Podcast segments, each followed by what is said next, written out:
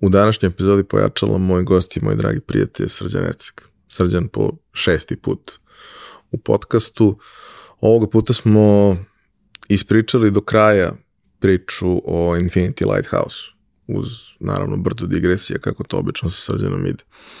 E, ispričali smo priču o tome kako je nešto što je nastalo kao projekat iz ljubavi i strasti došlo do toga da ima nekakav biznis model. Ne baš u klasičnom smislu, ali da je održivo i da ima različite izvore prihoda koji su došli kao posledica toga što Srđan sa svojim prijateljima i saradnicima koji takođe snimaju Infinitiju formira sada već jednu prilično lepu i veliku grupu ljudi. E, ta grupa ljudi uh, kroz razne vrste aktivnosti koje Infinity ima, od naravno snimanja i produkcije preko merchandisinga do izdavaštva i drugih nekih stvari podržava sve to što oni rade i to sve zajedno omogućava da platforma kao platformama bude održiva, a srđeno naravno da ima ono što je od starta hteo, a to je mesto na kome može da priča priče koje njega zanimaju i resurse sa kojima i njegovi prijatelji, kolege i saradnici mogu da pričaju priče koje su njima važne da postanu dovoljno interesantni, relevantni i popularni da bi onda zapravo mogli eventualno da dođu do nekog sponzorstva. Uživajte. Realizaciju ove epizode pojačala podržala je kompanija Epson. Epson je već više od 20 godina vodeći svetski proizvođač projektora i štampača za sve namene od onih kućnih do profesionalnih. Posebno vam skrećemo pažnju na aktualnu ponudu Epson Business štampača. Naime, ukoliko je došlo vreme da kupujete štampače za vaše poslovne potrebe ili da zanovite trenutnu flotu štampača koju imate, obavezno istražite koja to sve rešenja Epson nudi, jer pored zaista sjajnih štampača koji vam nude besprekoran kvalitet otiska, mnogo manju potrošnju električne energije, mnogo manje otpada generisanog u procesu, uz Epson rešenje uvek dobijete i celu paletu softvera koja se kod drugih proizvođača doplaćuje, a ovde dolazi besplatno za sve njihove korisnike. Za više informacija pogledajte businessprint.com, piše se onako kako se izgovara. Hvala vam. I imam još jednu važnu već za vas. Naime, od 1. maja sa krugom prijatelja radim na projektu naša mreža.rs. To je jedno jako zanimljivo mesto za svakog ko je preduzetnik ili razmišlja da to postane. Mesto gde svaki dan izlaze neki interesantni i korisni tekstovi, a jednom nedeljno predstavljamo neki zanimljiv mali biznis. Takođe, svakog meseca radimo veliki intervju sa nekim od zanimljivih ljudi sa, sa ovog tržišta, nekim od ljudi koji su lideri u, u onome što rade, pa tako, evo, prvog meseca imamo Slavimira Stojanovića Futra. Uživajte, informišite se i pretplatite se na mailing listu ako su vam teme zanimljive, jer onda će vam svake nedelje stizati digest svega toga svakog ponedeljka na mail. Hvala vam. Za slučaj da želite da nas podržite vi individualno, možete da posetite link u opisu podcasta na platformi Buy Me A Coffee i tu možete kupiti mesečnu pretplatu ili jednokratno donirati neki jednost koji želite. Hvala vam unapred na tom.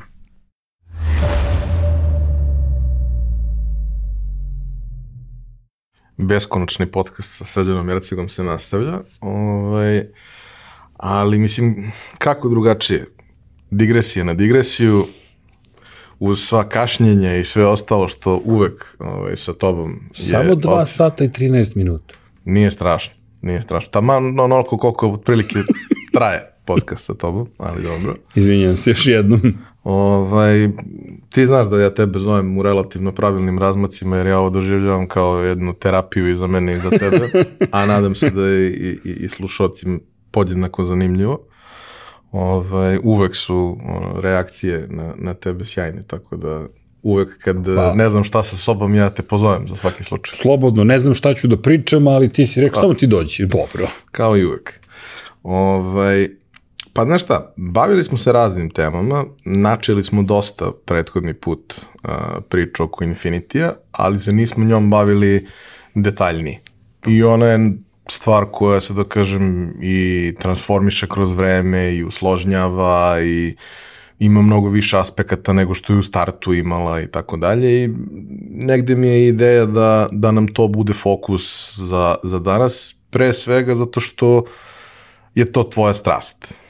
To je Jeste. tvoja strast broj jedan, sve ovo ostalo nateran da radi, a vodio bi podcast. ovaj, I mislim, mislim da ne postoji osoba u Srbiji koja je više u uh, kadru ili u živom prenosu od tebe. Kad pogledaš sve što je ovaj, komentatorski i sve što radiš što se tiče podcasta, na nedeljnom nivou mislim da si tu negde ovako pri vrhu. Moguće. Mada, pada mi na padnet jedna osoba. Dobro sad. ovaj, to, je, Tako da- to je ipak specifična pozicija, a i više medija je. A i veća produkcija. Više medija je često isto vremena. Da, da. Ovaj, dobro. I budžeti. E sad, a, ajmo malo ukratko da podsjetimo ljude na sam početak uh, Infinitija. Znači, ti si došao na, na ideju da to radiš, na sport klubu nisu postojali resursi za nešto tako, niti neko razumevanje da to ima smisla da se radi, jer televizija zaista jeste potpuno drugačija stvar od, Jeste. Od ovako nečega gde, ne, gde je sloboda trajanja, sloboda forme, sloboda svega. Pa i sloboda rada. Znaš, ne možeš ti da odeš iza kulisa u sred uživo studija na televiziji, ovde možeš da odeš i da sedneš za računar i nešto središ jer ti je palo na pamet u tom trenutku i svima je to okej, u početku. Da, dobro. ovaj, Makar mi to znamo da uradimo. e sad, a, da kažem, taj neki prvi deo priče kada ste pravili prvi studio i sve ostalo, to smo, to smo absolvirali. A, kako se tebi kristalisala ideja uopšte o tome kako to može da postane biznis, kako to može da postane održivo. Zato što taj deo je u principu najnejasniji u celoj priči.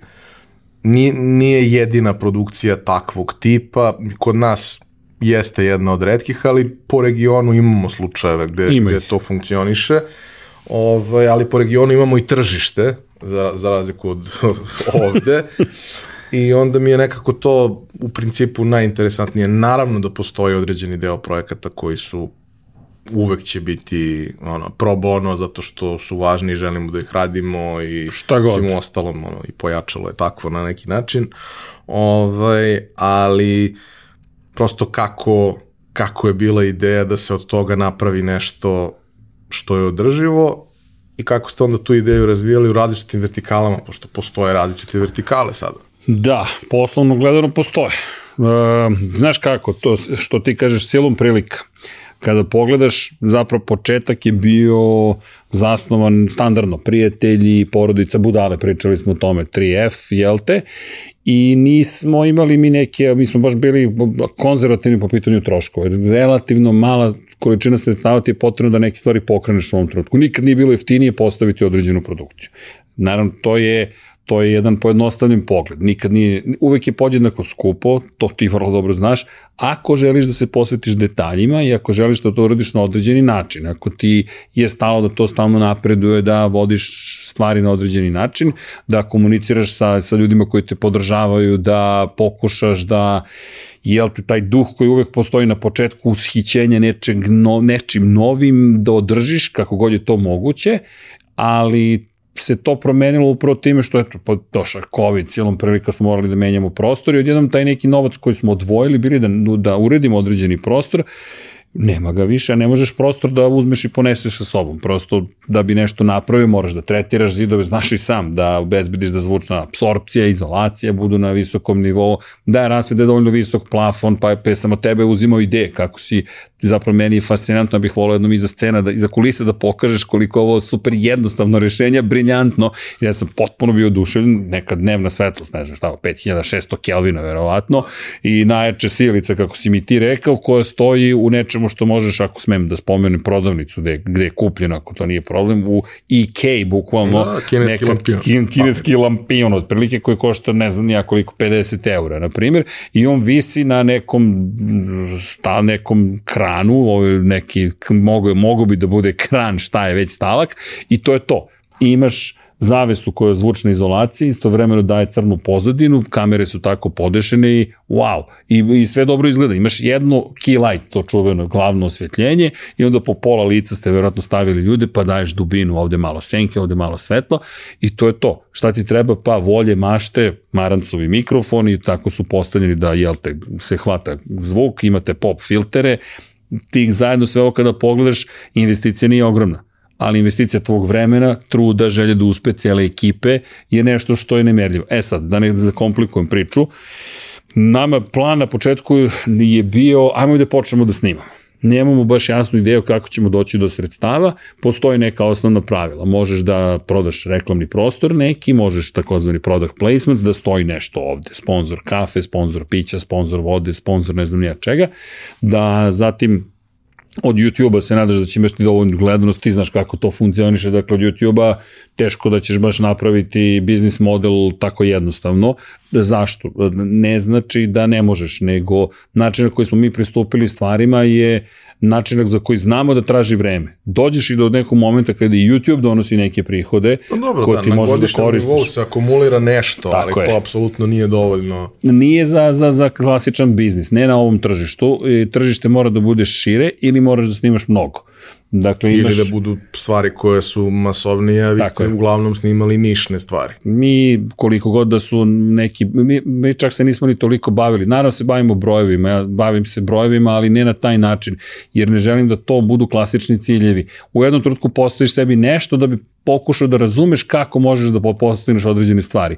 Ali to obično se to gleda koliko imaš view-ova. Ono što moje mišljenje da treba više da se gleda, Niko to nikad nećeš prodati nikome u smislu, e vidi sad ovo jer to, to, to, to je stvar može da se razume u marketinškim krugovima, ali ako se time baviš na pogrešan način, šta hoću da kažem, ako ti samo bitan marketing, možda radiš, onda uzmi ketchup, prospi na glavu i ti ćeš dobiti view-ove. To stalno gled, govorim. Nije nam to bio cilj. Nama je cilj da stvarno prenesemo neku poruku koju verujemo i da kažemo to što želimo da kažemo, s nadom da to nekoga zanima i ne samo to pričamo, na primjer, često o društvu. Šta si ti učinio da se, ne ti konkretno, šta je neko učinio da se društvo promeni ako mi pijemo Guatemala kafu u lokalnom kafiću i kukamo, jao, što je sve bez veze, sve je bez veze, nema ničeg na televiziji. Pa dobro, ajmo zajedno da napravimo nešto naučni program, priča o Formuli 1, ne znam, priča o biznisu, kao što ti radiš. Ajmo da uradimo nešto četvrto, napravi crtani film, pa traži vreme, traži noć, pa traži neku žrtvu, neće sve pasti tek tako s neba, ali ako pokušaš, potrudiš se, možda da se nešto i dogodi. I većina, znaš i sam kako ide startup kultura, kreneš od ludi ideje i nadaš se. E sad, pitu si me konkretno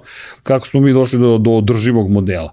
Mi smo još uvek u fazi da to nije pot, to je krhko i dalje. Dakle, prvo otvoreno ću ti reći, krhko je u kontekstu toga da mi koliko god da zaradimo, ja ću da reinvestiram u da li prostor, da li u opremu, da li u ljude, zato što verujem da da bi mogao zaista da napreduješ, moraš sad da reinvestiraš. Prvi, prvitna ideja je bila drugačija.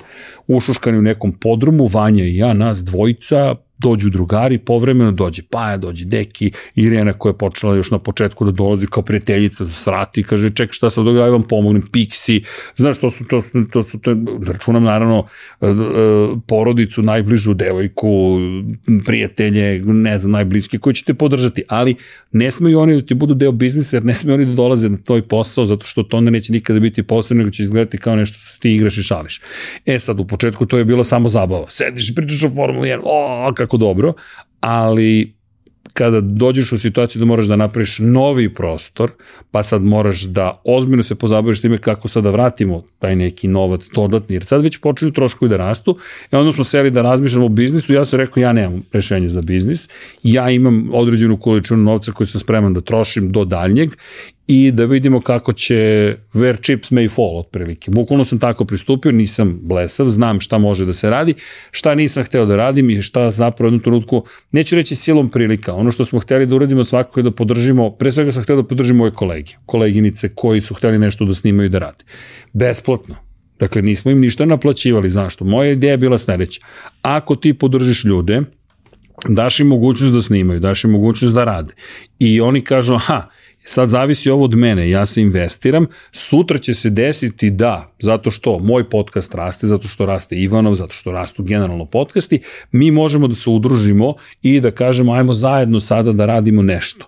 Nije se nužno tako desilo, nekim ljudima je bilo previše naporno, nekim ljudima je bilo previše teško da svoje malo slobodno, svog malo slobodno vremena odvajaju još za nešto što će možda jednog dana ti donese novac. Sve su to legitimni da kažeš, problemi koji te spreče da nešto uradiš. Imaš i treću situaciju gde jednostavno neko kaže ovo stvarno nije za mene. Mene ovo zapravo ne zanima koliko sam mislio da će me zanimati. I onda tako kao i uvek, znaš kako to je s biznisima. Odjedno svi snimaju podcaste. Sačekaj dve godine. Sačekaj tri godine, da vidiš da li će stvarno i dalje svi da snimaju podcaste. Ja to pa pravim paralelu sa Huge Medium. Svi su imali digitalnu marketinčku agenciju početkom 2010-ih. Svi. Nema ko ni napravio digitalnu marketinčku agenciju. Sačekaj tri godine sačekaj četiri godine. Ili najuporniji, najžilaviji, najblesaviji, ili najsrećniji, ili najsposobniji će preživeti. I obično ostane relativno mali broj. I naravno dolaze i odlaze, dolaze i odlaze, ali to ti je prvo pravilo, moraš da izdržiš, moraš da ostaneš tu. E sad, biznis model se razvio na jedan čudan način kod nas. Mi smo dobili priliku tokom COVID-a da dobijemo, zato što je to bilo nešto novo, a, sport, pa još sport u celoj priči, pa smo studiju lepo sredili, složili, počeli su da nas zovu klijenti koji su hteli da za njih uradimo produkciju emisija. Nismo baš planirali to, ali javiti se jedna ozbiljna kompanija i kaže, jel možete da producirate za nas FIFA turnir u kojem će učestvovati reprezentativci što Republike Srbije, što Republike Hrvatske, što Republike Bosne i Hercegovine, tako da ti kaže, čekaj, stani.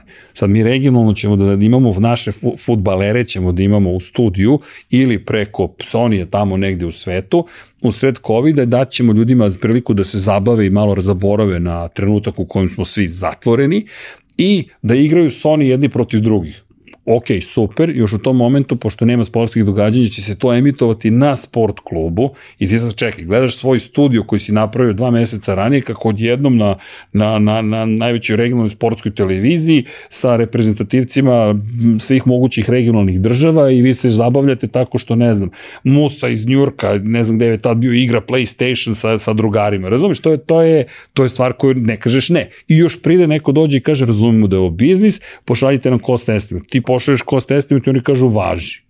I ti kažeš, čekaj, ok. I pomisliš to je put napred, znaš, pomisliš to je to. I shvatiš za dva meseca da to nije to, jer to se desilo tada, otprilike, ali ti zamaže ti oči, ubedite, ovo imamo biznis, drugari, i ti kažeš, jes, pobedili smo već sada na početku, idemo mi dalje tamo. I onda godinu dana kasnije shvatiš, uf, pa i nismo pobedili još. Ali nije ništa strašno, s obzirom na činjenicu da, da, da je očigledno da nešto postoji. Samo smo mladi, zeleni, jel te, ne znamo kako neke stvari da uradimo. Drugo, mi nismo bili deo tog minjeja, nismo mi Niti meni plan bio da napravim produkcijsku kuću. U smislu sad ću ja da dođete kod nas, pa mi sad produciramo za vas nešto. Ne, ja sam samo htio da pričam. Bukvalno. Tako da biznis model nije postojao. Ja se ne šalim kad kažem da nije biznis model postojao. Nažalost, mojih najbližih partnera u smislu posla, gde imaš huge mediju koja je formirana tako kako je formirana i mene koji sam rekao ja želim da se bavim nečim drugim. Žao mi je.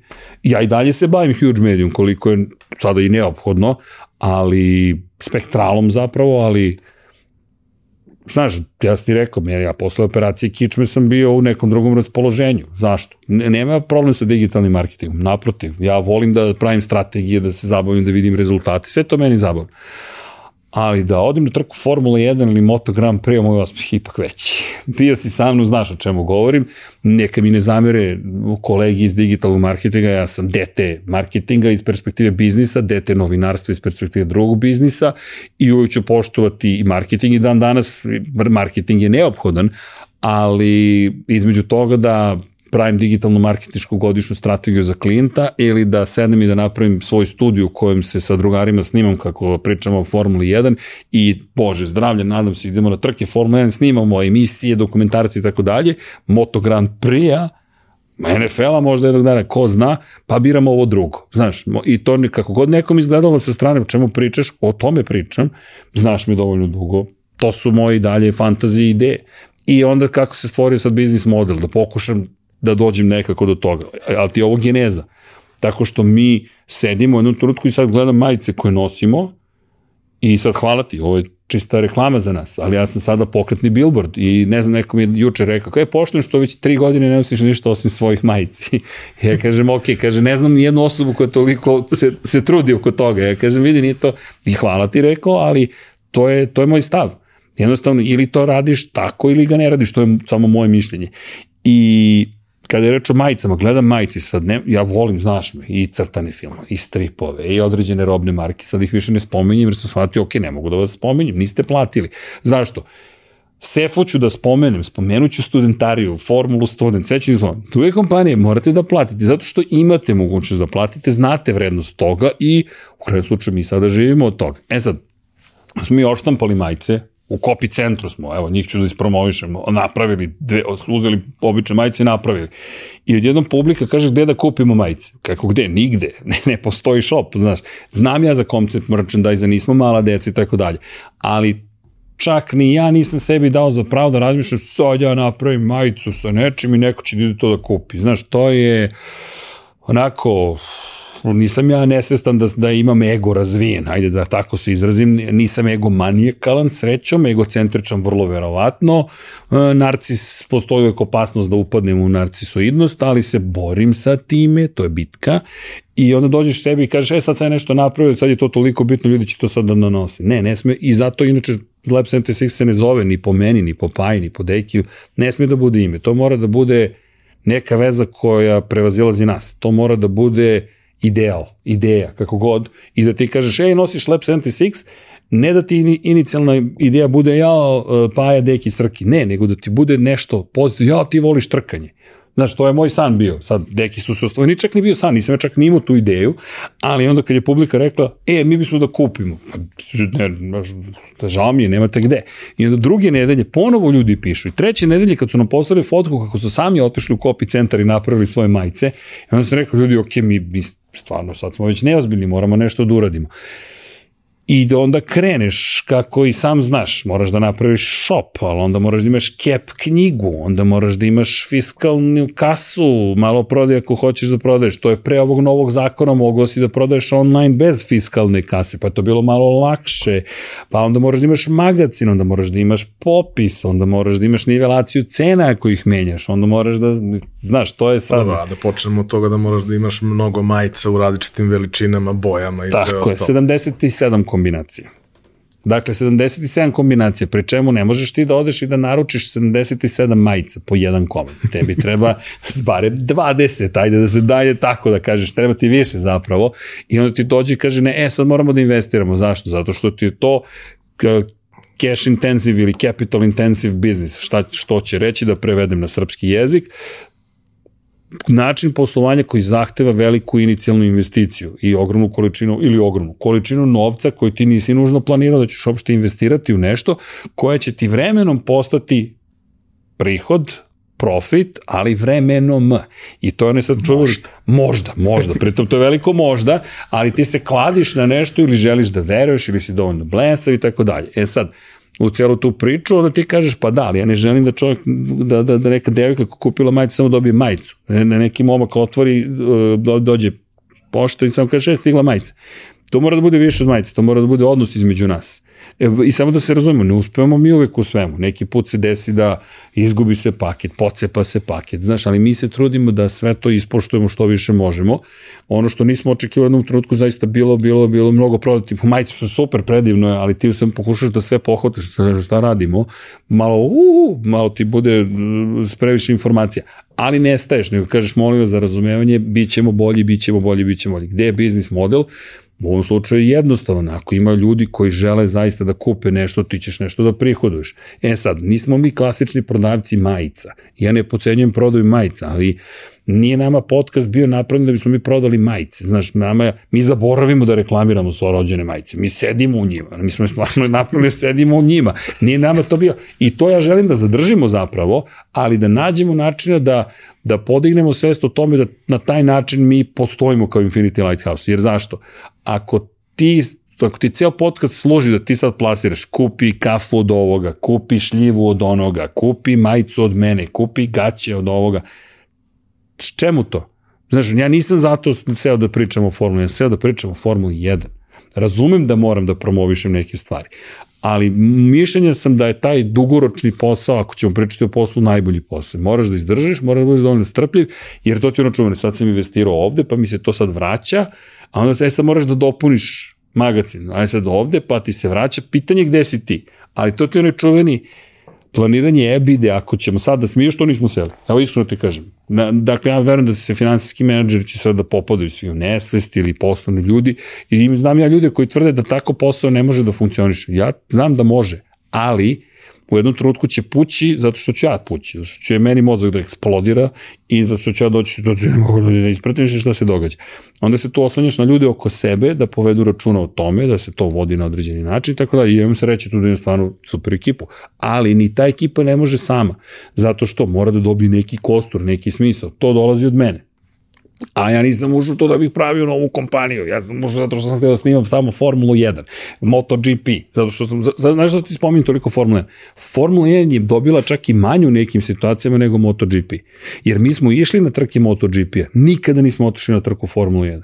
I ja tu vidim ogromnu disproporciju. Mnogi mi pitaju po koga više voliš, šta više voliš. Ma nije podjednako samo je drugačije. Ali smo za MotoGP uspeli da probijemo neke granice koje nismo uspeli za Formulu 1. Ja, dobro, organizacija je mnogo drugačija, Druga, mnogo otvorenije. O, da, drugačiji sistem, bio, bio si, video si, to, to, znaš, neke stvari, sad su oni vuku ka Formulu 1 pa su pozatvarali pola stvari i naravno odmah pada količina stvari koje možeš da uradiš. Ja kažem, ok. Ali opet kad se pojaviš kao srđan tamo, možeš da uradiš malo više možeš, što bi bilo to, normalno. To sigurno. Imamo osmeh na licu, drago mi što, što nas ljudi tamo znaju, što, što, što kad te vide, znaju i šta ih čeka, ali, pa da, i dobro i loše, ali imaš i, a u Formula 1 to niko ne zna, znaš, i onda jeste tu ostaje zaista potrebu da ispričamo dodatnu priču. Mada, istini za volju, moj prvi plan je bio da mi kupimo kamere da snijemo oproštenu sezonu Valentina Rosija.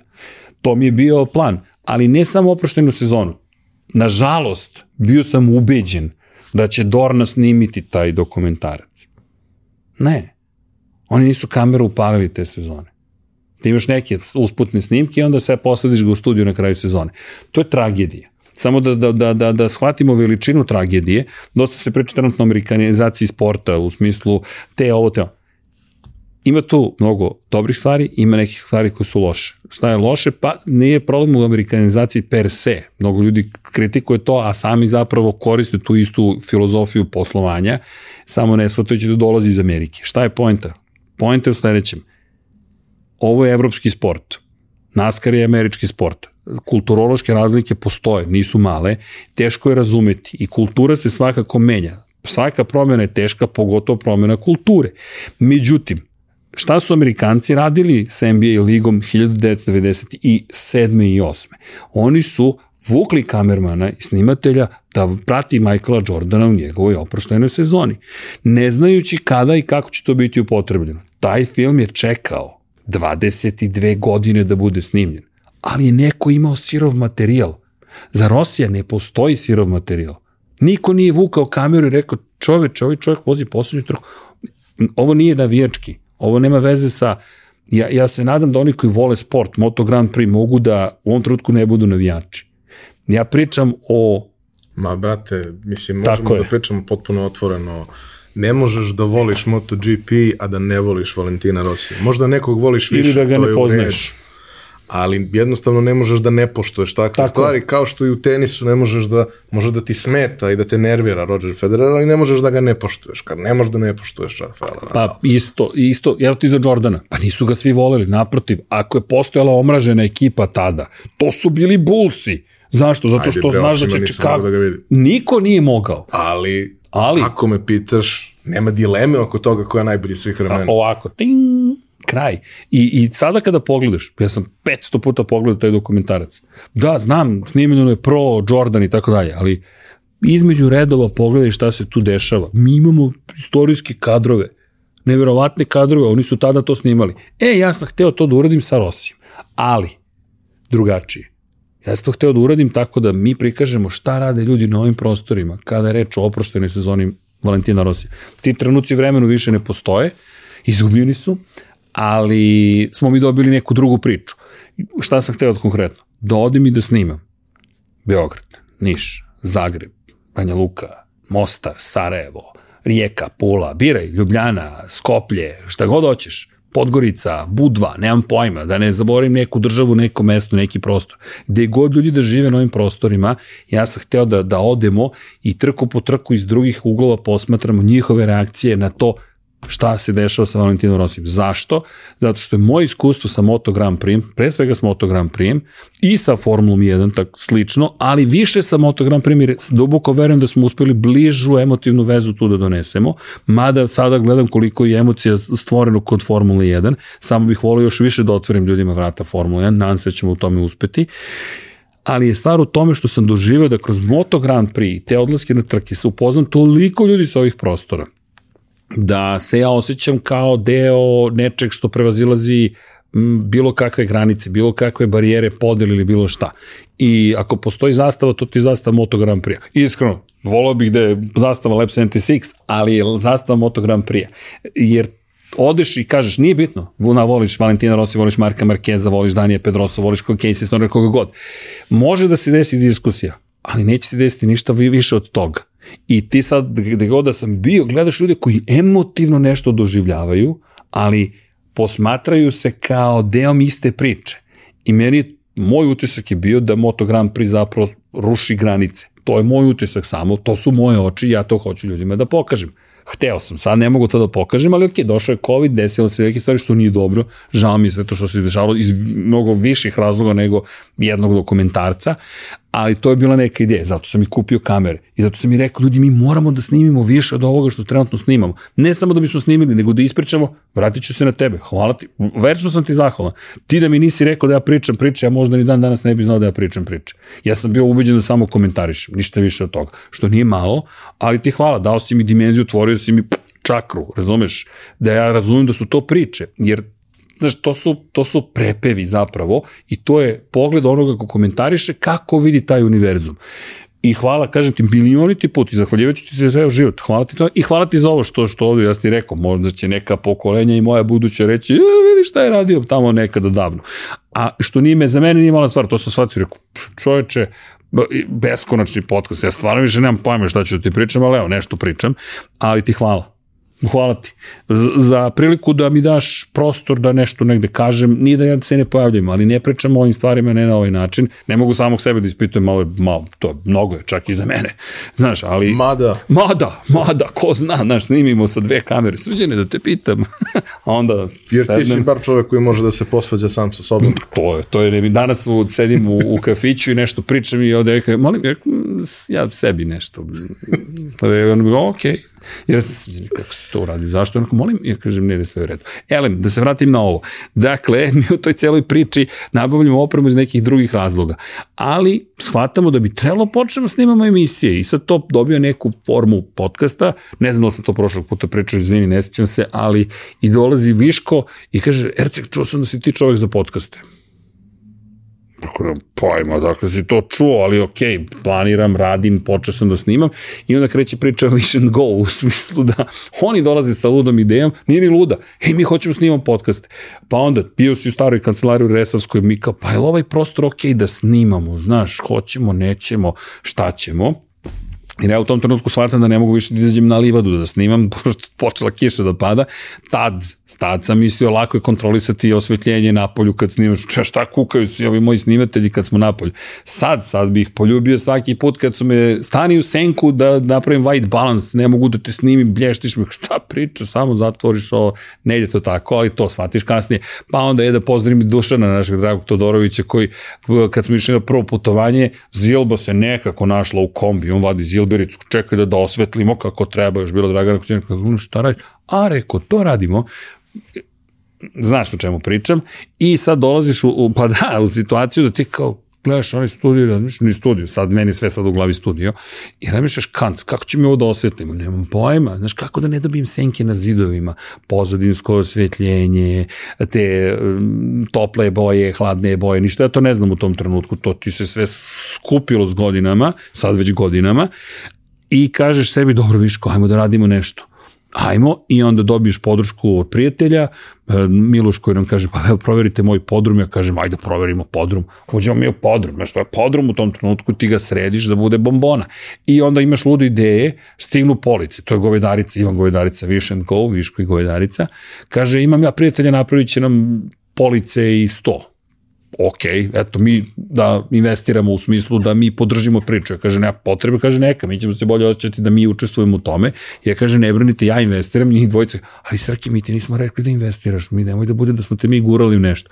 Ja kažem, niste me nigde gurnuli, samo sam shvatio da ako ćemo ovo da radimo, moramo da radimo ozbiljno.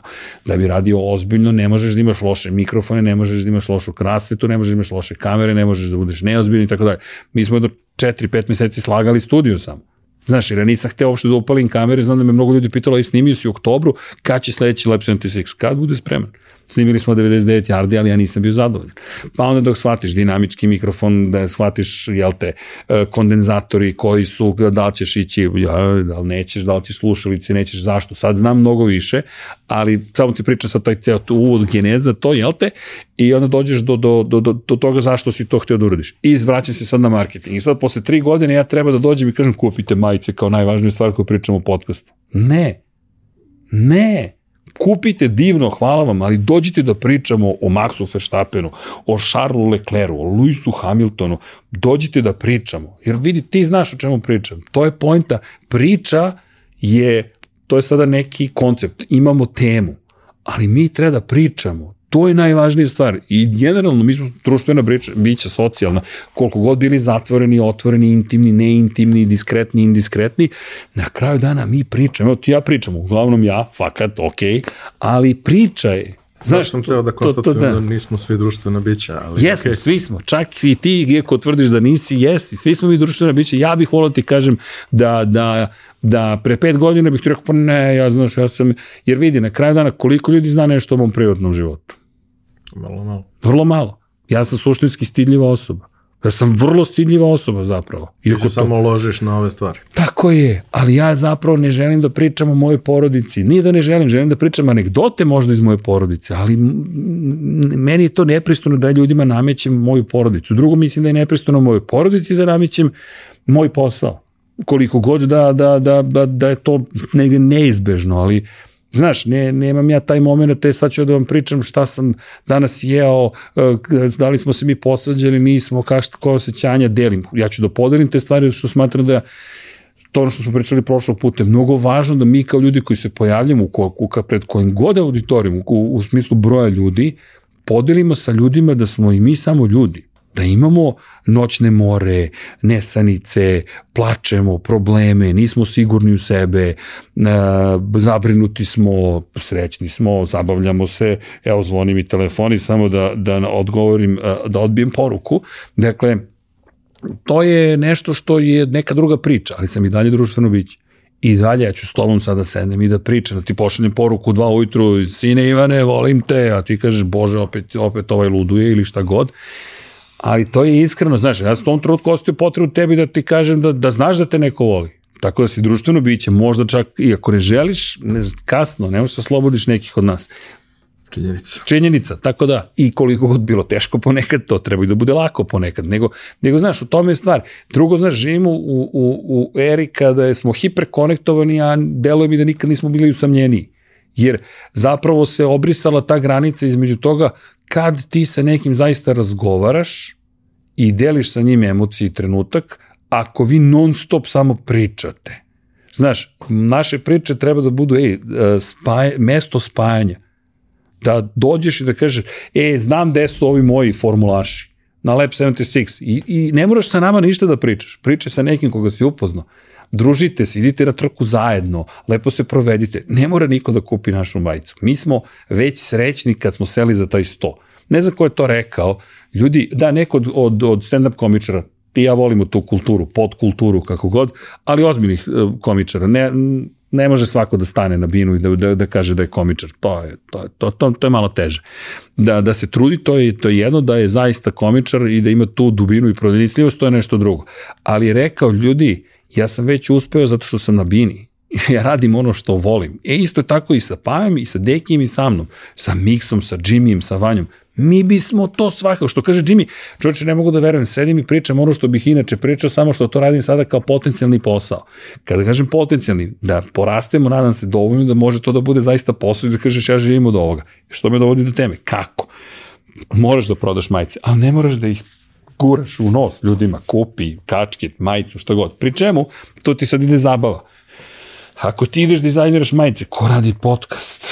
Znaš, a padaju ti ideje raznorazne na pamet, to, to su stvari koje mi rešavamo, ali da ti pričam evo po par izvora prihoda, da pokušam to onako brzo da kažem ljudima, prodaješ neki, neku robu, merchandise popularni. Da li je to majice, da li je to, da li su to pantalone, da li su to kačketi, da li je to dukserice, da li je to nešto 7, 8, 9, 10 što se oblači, to ti je jedna stvar koju prodaješ. Ali opet, moraš da imaš početnu investiciju, zahtevno je. Dakle, moraš da budeš ili dovoljno lud, ako se to tako dakle, zove. Dakle, to nije problem. To nije, to nije problem. I da imaš mogućnost da to uradiš. Sad, mogućnosti se otvaraju u zavisnosti od toga koliko si spreman da guraš napred, žrtvuješ ili ne žrtvuješ. Srećem, ja imam iskustvo iz prethodnih kompanija, i dobrih i loših, pa pokušavam da izbjegnem ona loša, da, da ponovim dobra. I spreman sam da investiram. Dakle, ono što, ne znam sam to tebi rekao, mogu sam da vozim džipa, a mogu sam da imam studio. Ne treba mi džip. Zaista, nemam negde terensko vozilo da teram po gradu, potrebu, ne, ne branim nikome nek tera ako hoće kamion, ali ja ne osjećam tu potrebu. Meni je, meni je ovo bila želja. E sad, prodaja robe. Knjige. Knjige su se pojavile kao neka realizacija nekog sna. To je baš davni san. Sećam se kad sam odlazio kod ljudi da objavljamo knjige o Moto Grand Prix i manje više odgovor je bio da je to besmisleno ok, ja sam dobio onda priliku, ali znaš kako se to desilo? Sad, odjedno mi smo for, morali da formiramo kompaniju. Kako da naplatim nekom ako nemam kompaniju? Moraš da formiraš, je li tako? I onda im dobiješ DO. E sad ti kažeš, dobro, šta ste vi, koja vam je šifra delatnosti? Nemam pojma. Šta je šifra delatnosti? 5911 konkretno, to ti je produkcija i distribucija televizijskog sadržaja, multime, multimedijalnog i televizijskog sadržaja. To je najbliža šifra koju sam ja našao za podcastere nema u APR-u podcaster kao kategorija i rekao, ok, i onda sam ramišljam, a ko može da izdaje knjige? To je neka izdavačka kuća, ali tako? Pa mi rekao, možemo mi da dobijemo knjigu? Pa možete, što ne biste mogli dobiti. A mi možemo da dobiti. Možete dobiti. Pa dobijemo knjigu. I tu sedi Deki u sred podcasta, aj dobijemo. I neko je pitao kada će Deki ponovo da objavi svoje knjige. Crno i crveno Mihael Schumacher i put do savršenstva, put ka savršenstvu Ayrton Sena. I Deki kaže, pa tekst je spreman, ajmo, još malo da ga doradim ja, ajmo, eto, to, to ti je. I sad prodaješ knjige. Inače, knjige su nam mnogo važne, Međutim, mi sad trenutno imamo, imali smo problem ozbiljan u organizaciji posla oko knjiga, zato što nismo shvatili kako zapravo funkcioniše rad sa, sa rukopisima. Rukopisi su sve to pismo, kako i treba da bude, ali ti imaš sada knjiga, ti je da čekam da izađe knjiga F1 šampioni, gde smo mi htjeli da promenimo neke stvari zato što više nisu faktičke. Fernando Alonso se penzionisao i tu se završao poglavlje o Fernando Alonso. Ja kažem, pa da li, čovjek se vratio među vremenu, ovo je reizdanje za 2023. Mora da piše da se vratio na stazu i da se njegova priča nastavlja. Ne, ne smete da dirate rukopis. I sad te ti back and forth, ja, mali ljudi, to nema smisla, Sebastian Vettel više ne vozi, otišao u penziju ali autor je to napisao pre tri godine, tu je adakta to poglavlje, a ti ne možeš tek tako da pozoveš izdavačku kuću i kažeš ajmo da pro... Ne, onda oni imaju problem jer ti sad tražiš od autora da radi nešto ponovo, to će njih sada ekstra da košta. Sorry guys, izvinite, ali to tako ne funkcioniše. Možeš da staviš prim prev, Primetba prevodioca, izdanje je bilo napisano tada, tada, razumeš. I ti sad jedna nedelja, dve nedelje, tri nedelje, ode mesec, ode jedno, levo, desno, osmo, peto, onda čekaš unapređenje teksta, misliš bit će u novembru kao što je bilo svake godine, dođe u februaru, na primjer. Znaš, ti sad imaš, ali sad to dođe, ali nema onog što si ti hteo. Onda ti u želji da ideš ka savršenstvu, to kažeš, ne, to mora da se promeni, onda se to ne promeni, onda izgubiš još dva meseca, onda shvatiš da ta bitka ni ne može da se dobije, jer nisi razumeo biznis. Apropo, i onda usporiš sam svoj izvor prihoda jer si hteo savršenstvo, savršenstvo da citira mog brata, možda on citirao nekog drugog, je neprijatelj dobrog. Nešto je dobro, Znaš, ali ta želja mora da bude najbolja na sve. Dobro, ali ovako. tu pričamo konkretno o knjigama za koje kupiš pravo. Tako je, kada ih ne kupuješ, kada ti pišeš, to je to tebi autoru kakav ugovor imate, drugo deki je deo Infinity Lighthouse, znaš, tako da, da je to malo drugačije, ali opet i tu poštuješ autorska prava, njegova su, bez obzira da li je on zaposlen ili nije u kompaniji, to mora da bude odvojeno, to je, to je nje, to, ja insistiram na tome, autori moraju da se poštuju autori moraju da se poštuju, često se ovde dođe u situaciju, pa i svetu, da potpišeš samo ti ugovor i onda su prava naša. E, ako veruješ u neku poslovnu kulturu, kreni od sebe. Moja poslovna kultura insistira na tome da ako si ti autor, moraš, čak i kad ne znaš, ja ću te zaštititi od tebe. To nije moj posao, što bi rekli kapitalisti, ali ja mislim, ja verujem u long tail kapitalizam. to jeste moj posao i kladim se na tebe da ćeš shvatiti šta ja radim i da ćeš reći, aha, mogao si, nisi me prevario. Mogao sam, nisam. Doći će trenutak kad ćeš ti imati priliku da kažeš, aha, jesmo zajedno ili nismo. I okej okay, ako ta osoba izabere da uradi nešto drugo, izgubio si jeftino nekoga ko ni ne treba da bude uz tebe. A s druge strane, zamisli koju snagu možeš da dobiješ. Ako vi na tom poverenju možete da zasnujete nešto veće. Jer ne možeš ti svaki posao da definišeš a priori. Osnova svakog posla bi trebalo da bude dobra namera. Znaš, mi krećemo s dobrom namerom u nešto. Sad konkretno e, pričam ti o knjigama. Krenuli smo u nešto i sad okolnosti se menjaju, već sutra su se promenile na neki način, manje ili više. Ako ne postoji dobra namera, ne postoji ugovor koji će ti definisati sve što želiš. Drugo, da pravnici, m, imaš ih dobrih, imaš ih loših, imaš ih efikasnih, imaš ih neefikasnih. Imaš one koji su neefikasni, koji ne razumeju da njihovo da uobliče dogovor, a ne da spreče dogovor. A ne, nismo se zaštitili od svake eventualnosti. Ne možeš. Ne možeš da se zaštitiš od svega. Ko je mogao da ti napiše ugovor gde će te zaštititi od COVID-a? Znaš, vis major. Vis major podrazumeva da se nešto desilo u limitiranom opsegu geografskom i limitiranom vremenskom periodu, a ne cela planeta dve godine, tri, koliko već traje, ili je trajalo. Znaš, ko je to mogao uopšte da, da, da, da zamisli kao koncept? Neko je to iskoristio, neko je tu propao, neko je uspeo, neko je, nažalost, izgubio život. Znaš, to su stvari, teško je to predvideti. I onda, šta hoću da kažem, svugde možeš da nađeš na takvu situaciju ti neko uspori biznis. Ok, ovo se nama desilo iz nerazumevanja biznisa, ali ja nisam nezadovoljan. Ja samo želim da se izvinim publici za strp, i hvalim za strpljenje. Ali sam naučio lekciju i sad čutim zato što ne poznajem dovoljno neke stvari dok ne rešimo. Sad sam naučio. Što, evo sad, drugi izbor prihoda, prodaja knjiga. Marže su tamo mnogo veće nego što sam ja mislio. Ja to pričam vrlo otvoreno, pojma da tamo marže postoje, misle ovi ljudi da će da prežive. Nije postoje ukoliko imaš svoju publiku. Ta, ukoliko postoje, ideš imaš kroz publiku. sisteme, Teško. mnogo teže Teško. i mnogo manje Teško. i sa mnogo čekanja. Ne bih da spominjem, ali taj biznis, da, da se, ne, ne imenom i prezimenom, ali ja sam rekao ljudi, ja mislim da bi manje me reket košta. Nije da mi iko reketira, ali bukvalno to bio moj utisak. Pa ne, ja sam bio vrlo iskren, rekao ljudi kako mislite da, da opstane bilo ko. Međutim, to ti je sad biznis model opet kontrola, neću zaista nikoga da imenujem, ali tako je tržište, može im se. I oni koji kontrolišu publiku, koji kontrolišu tržište, mogu da ti kažu marža je x, y, z. A ja uzmem i izračunam i kažem čekajte. Dakle, mi ćemo da uzmemo rizik štampe, mi ćemo da uzmemo rizik, preuzmemo rizik plaćanja autora, mi ćemo da preuzmemo rizik preloma, mi ćemo da preuzmemo rizik kupovine prava za fotografije, mi ćemo da preuzmemo rizik štampanja, mi ćemo da preuzmemo rizik distribucije do vašeg distributivnog centra, a vi ćete da ponudite publici, fair enough. Šta mi dobijamo još od vas u smislu dodatne dimenzije? Ništa. Ne znam, ja, ja kažem dobro, znači mi imam dosta knjige, to je to. Koga bih da pohvalim? Gospodina Berca, ko, da, ko Ivan je bio car. Odmah da ti kažem, bio je car. Čovjek je došao i rekao, ej, okej, vi ste dragi ljudi, hajde da probamo. I nije loša prodaja. Neće se on obogatiti od naših izdanja. Ali, ja, Nećete se ni vi obogatiti od vaših izdanja. ali, znaš kako ćemo se obogatiti? Čoveče, mi smo objavili knjigu o Schumacheru, Seni, Kimiju Raikonenu, Valentinu Rosiju, Marku Markezu, na jeziku, na zvanično pravnu formulu srpskom jeziku. Ja sam preponosan, ali takođe na našem jeziku kada govoriš o regionu, namjerno kažem naš, koji god to bio, jer politiku, politika trebalo bi da služi nečemu, nekom unapređenju odnosa, saradnjama i tako dalje. Ovde je pretvorena u, nažalost, samo podele. A zamisli, ja gde god odem po regionu, vrlo se dobro sporazumevam s ljudima.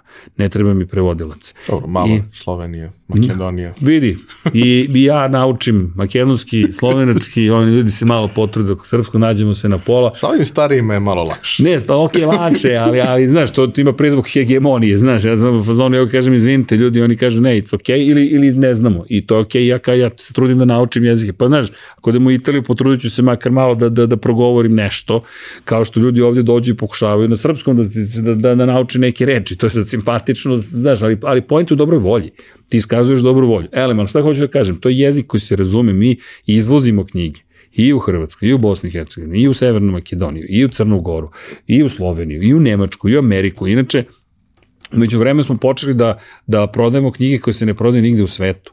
To su, to su vodiči kroz Formula 1 i Moto Grand Prix rezultati, biblije rezultata, koje nije, nema, postoji u otvorenoj prodaji. Imaš na zvaničnom sajtu za MotoGP za F1, niko ne prodaje. Mi smo jedina planetarna prodavnica.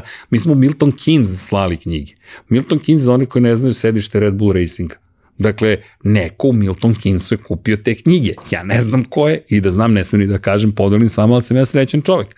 Neko tamo iz Milton Keynesa je naišao na što ti govori da znamo search engine optimizaciju, ali dobro da, da, da reklamiramo malo i drugi deo priče, jer time smo se bavili, ja sam upotrebio ta znanja. Da nađe na knjigu kod nas, nemamo prevod, ali Google Translate, o, plugin radi sve, dakle, tako se sporazumevamo. E, onda pustiš tamo na nepoznat, si odiš u Japan i kao, e, ok, pustiš, a ok, ček ja tebi da pustim i šta sad, zlatna bavilonska ribica, uskoro će biti u ušima, vodiče je predvideo da smo uglavnom bezopasni, ali nadam se da nije sve predvideo, ali kako je krenulo, čini mi se da i to predvideo, ili imaš žuti bagir. Spremanje, o da, Ali dobro, ja peškir da putujem. Uvek. Samo još kaži prste da bacimo i da letimo.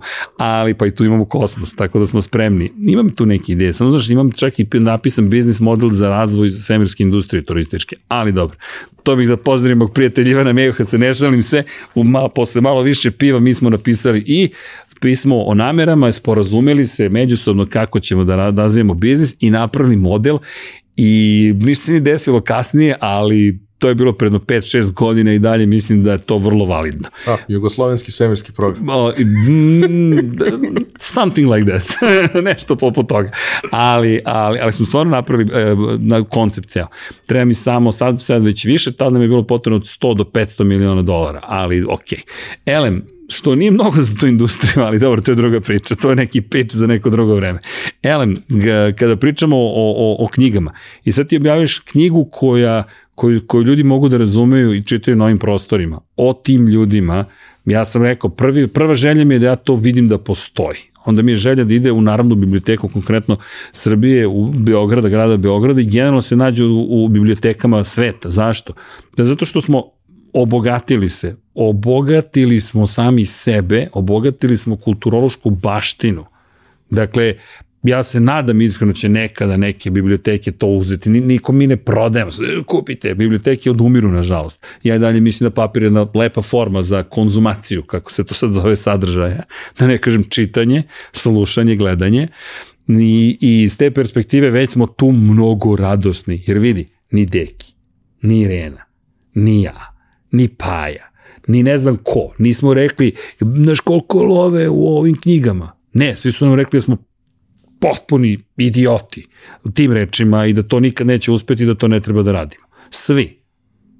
Dakle, svi. Da pozdravim i Nevenu, našu urednicu.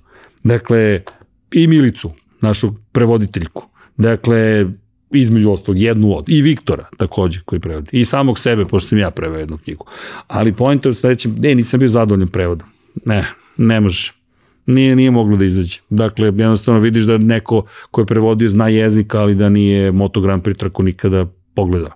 I onda nema te emocije. Ne, ne, ne, ne, ne gori strast, znaš, iz, iz stranica knjige. Kod Milice gori, ona baš voli Formulu 1. Ovaj, I, I Viktor isto, baš, baš su ljubitelji. To isto sam shvatio, znaš, nije dovoljno da budeš prevodilac. Moraš za ovo moraš da budeš zaluđenik, zaljubljenik, kako god. Elem, i sad postoje te knjige. Da li smo bogati? Verujem Ivane, mnogo smo bogati.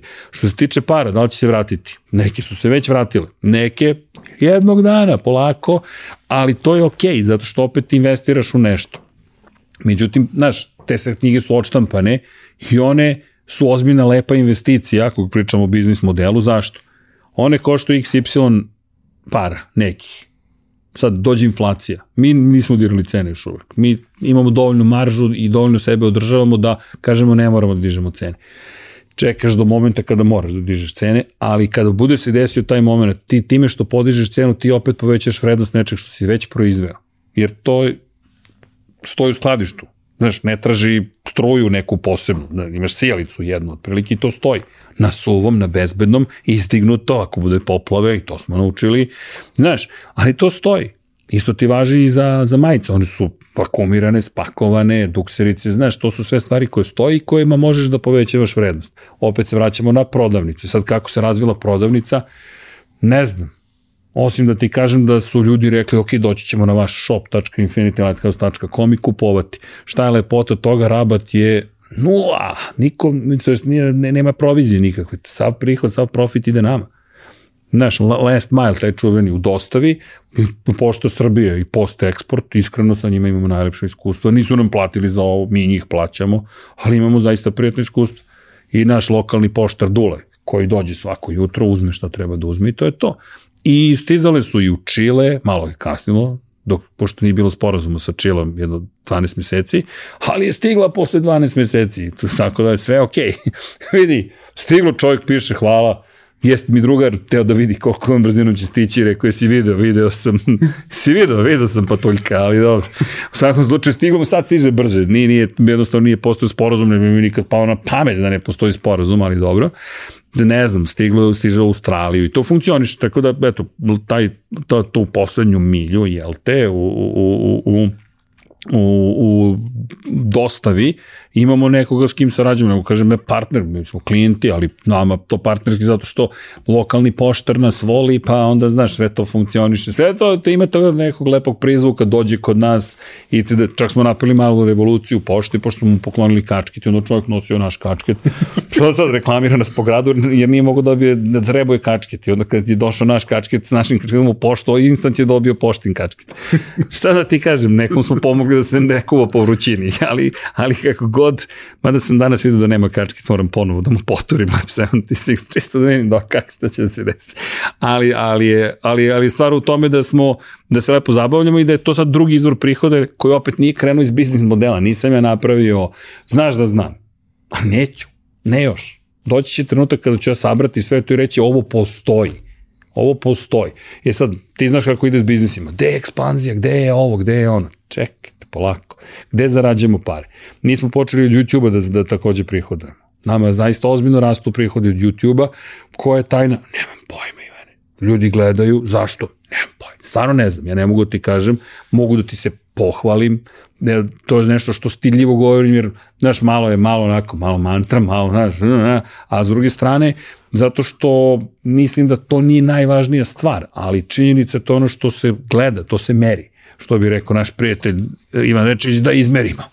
I mi trenutno imamo preko milion pregleda mesečno, već dva meseca za redom i preko milion sati gledanja mesečno. Ivane, to, su, to je jedan sat prosečno po view, da ti ja kažem zašto je ta statistika, ne znam. Zato što snimaš beskonačno. Verovatno, vidi, verovatno, ali znaš, mi smo rekli sebi, došli su Vanja i Miksa, e, hoćemo da radimo NBA podcast. Okej. Okay. Jel ti to podržavaš? Ne znam šta me pitate, naravno da vas podržavam, studio postoji. Pa i snimajte ljudi. Mi njih dvojte su seli i snimaju. Ali naravno u celu produkciju sve kako treba da se uradi, idu live, rade, to funkcioniše, imamo dovoljno iskustva, ja ne znam, ja mislim, imamo preko hiljadu live realizovanih podcasta, više, više to ni ne znam, ali tu si to je isto proces kako smo uštedili.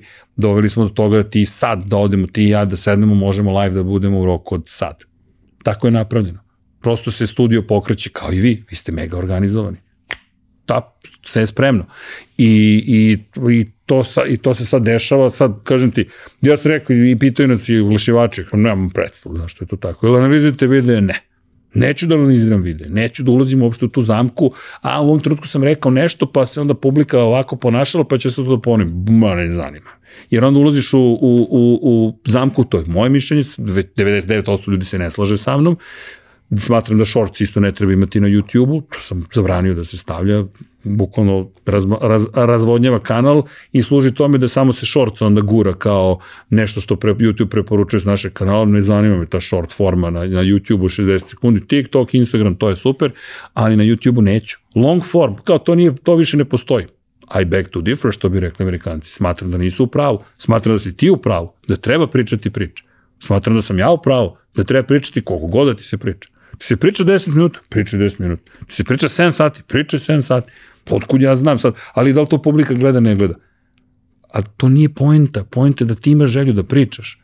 Ako nađeš sagovornike, divno, ako ne nađeš, pa šta sad, ako imaš dovoljno para da izdržiš i da pričaš, jer si, ne znam, neka druga napravio pare, good luck, srećno, super, blago tebi, lepo, divno, zato nije krasno, ne, ne zlo ne misliš, nadam se da su, da su pozitivni podcasti, a druga stvar jeste, znaš, mi toliko pričamo koliko nam se priča. Nemamo mi košulicu, pa kao momci morate završiti. Da, ima ponekad kad dođu Luka i Kuzma posle nas, su alo ljudi, nemojte snijemo jedan ujutru. Ali dobro, oni sad prave svoj studio jer su shvatili da moraju da imaju svoj studio. Ali to, to, je, to je, kažem ti, poenta pričanja i sad odjednom i od YouTube-a prihodujemo I naravno kako ti to sad ide, sad kad imaš i to, ne, ljudi odu na, na, na Social Blade pa ti gledaju, pa kao što je skočila gledanost prošle godine u maju? Moj odgovor je ne znam, zato što ne znam. Znaš, to su teorije, e, promenio si thumbnailove, uradio si ovo, uradio si on. Bila je Formula 1, vidi, Formula 1 nikad nije bila predvidivija. dakle, da, da, da zasnujemo na tome da je Formula 1 sada neviđeno neizvesna teška priča. Da zasnujemo na tome da je Moto Grand Prix odjednom toliko neizvestan, pa brojke govore da je bio gledaniji, ne znam, dok je bio Valentino Rossi prisutan, dok je Mark Marquez bio zdrav. Trenutno Mark Marquez nije, stalno je povređen, Valentino Rossi u penziji. I sad, zašto? Moje mišljenje je da prosto nešto radimo što smatram da odgovara pričama koje bismo svi zajedno vodili da se sretnemo na istom mestu. To je samo moje mišljenje. Da se nađem sada za stolom 20 nas koji volimo MotoGP i kao papagaj da pričamo, ili u slučaju 99 yardi da pričamo o NFL, a se sećaš ove utakmice, sećaš kad, a kad se šta se desilo ovo, ili o kosmosu, e, sećaš se lansiranja, neće se lansiranje, nisi u pravo, oni su koristili ovo gorivo, ovi su radili ovo. To je taj bla bla bla bla bla moment. I to je meni okej. Okay. Mislim da, da, da smo svi mi ljudi koji bismo sad seli sa, sa nekim dragim ljudima i pričali o temama koje volimo. I ništa više od toga. A ne sad uzmi analizu, pa znaš, ovdje ti je pala gledanost, retention ti je ovoliko, samo vi analizirajte. Ja neću i stojim pre tome, neću to da analiziram. Mene ono što ja hoću jeste šta je u mojoj glavi, da kažeš šta, će, šta mi treba da ispričamo, koju mi priču treba da pripremimo, šta je bilo važno sad u trci, bukvalno sad u Austriji juče, i, i o tome da pričamo. Ja se spavim nedogovoran i s dekim šta ću mi da pričam. Mi nemamo dogovor. Isto ko ti ja, ti si rekao dođi, došao, do, ja sam došao. Zato što, to je, to je, to je, ko je to rekao? To je rekao, ne mogu da se setim, ali da li je to utisku, ja mislim, bijela priča, gde je insistirala zapravo na tome da se ne priča pre nego što počne emisija. Jer kaže, često mi se desi da onda utisak uopšte nije autentičan, nego ti sad pokušaš da se presjetiš šta si pričao pre nego što su upalile kamere. I da je bio zahtev zapravo da, da se ne priča, nego da to što doživiš zaista bude autentična emocija. Tako da nas trojica dođemo, sednemo i onda krenemo, niti oni znaju šta ću ja da, da ih vodim, niti ja znam šta će oni da odgovore i to je to. Jel ti znaš u kafanu kad ideš ili sedneš sa nekim da se družiš, šta će ti da pričati, šta pošalješ mu dnevni red? Pa nije sastanak. To je druženje. Eto, to ti je ceo odgovor, druženje. E sad, i od YouTube-a smo počeli da prihodujemo, umeđu vremenu smo razvili još jedan revenue stream, jel te, potok novca, da ga tako nazovem, šalim se malo, izvor novca, je to što smo počeli da iznajemljamo studiju. Verujem mi silom prilika. Nije nam plan uopšte bio da iznajemljamo, nama je plan bio da pokrenemo ljude da pričaju, pa ako krenu da zarađuju, ok, hajde da delimo neki novac koji zarađujete, ali pre svega da, da imate priliku da se ispričate, da kažete to što želite.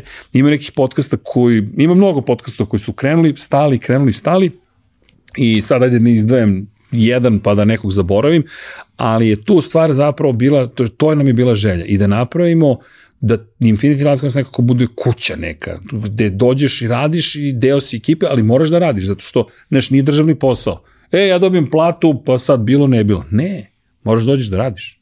Zašto? Dobra volja.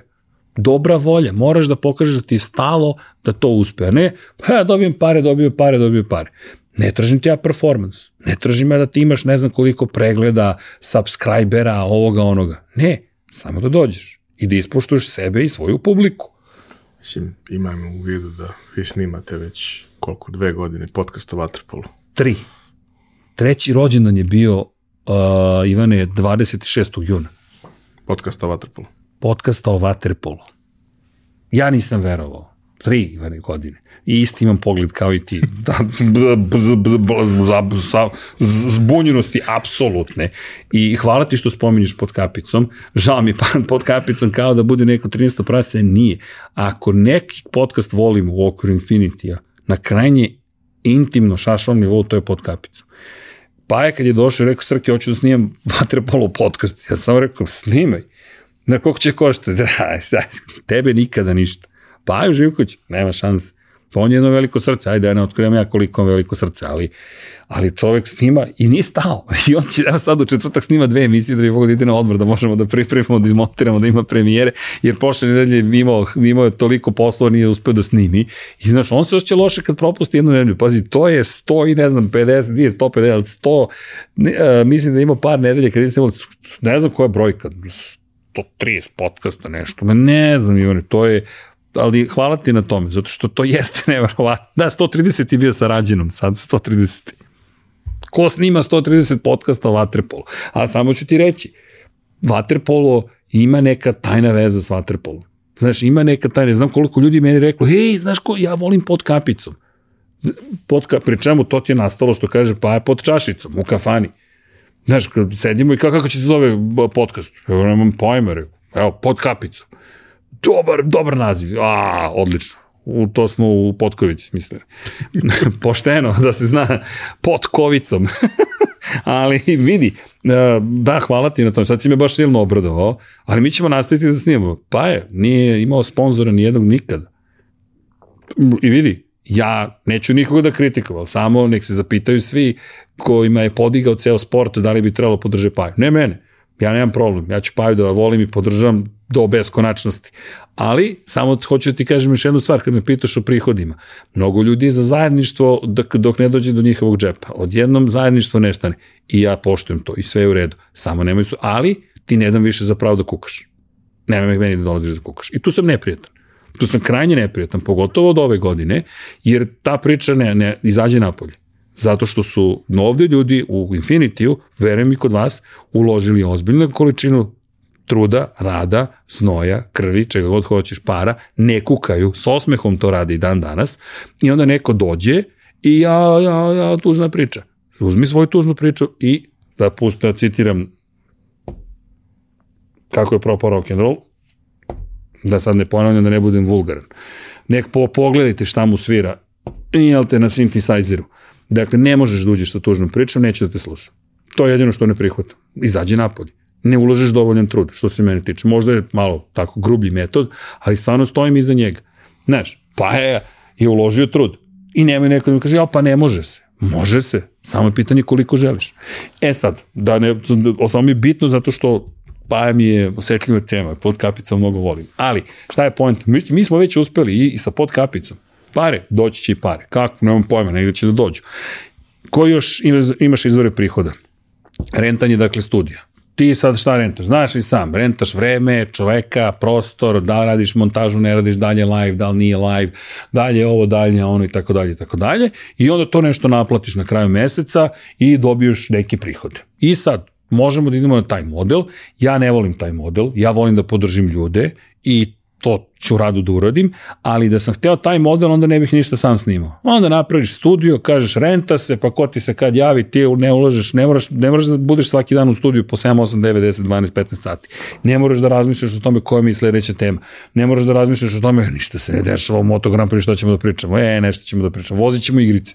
Evo, evo rešio sam, sutra ćemo preksto da testiramo igrice to je Mihajlov predlog, evo, vozimo 2023 i 2022 i to nam je ceo podcast.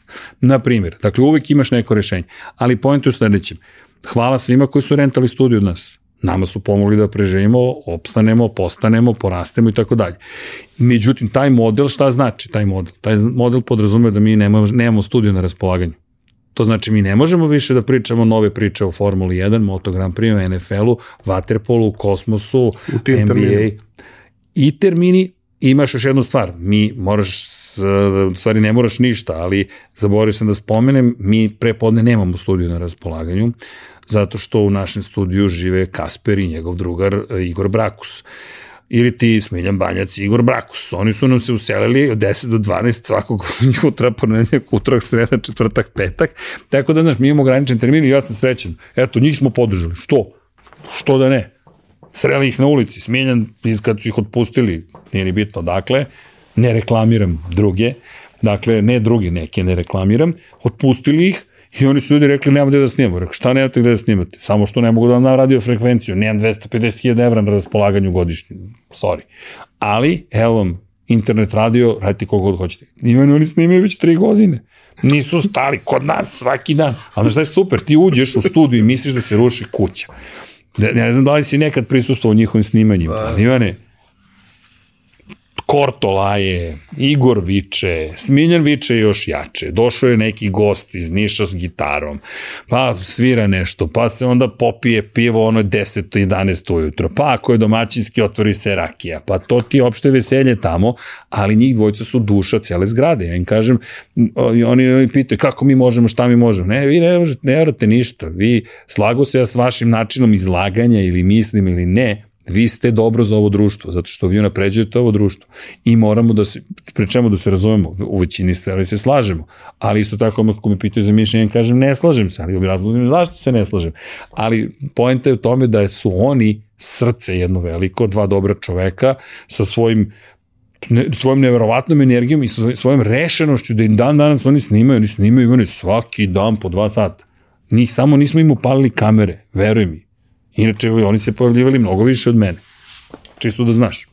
Sve znam, sve znam. Ali, apropo studija, njima nismo rentali studiju. Samo se razumemo. On, njima nikad nismo rentali studiju.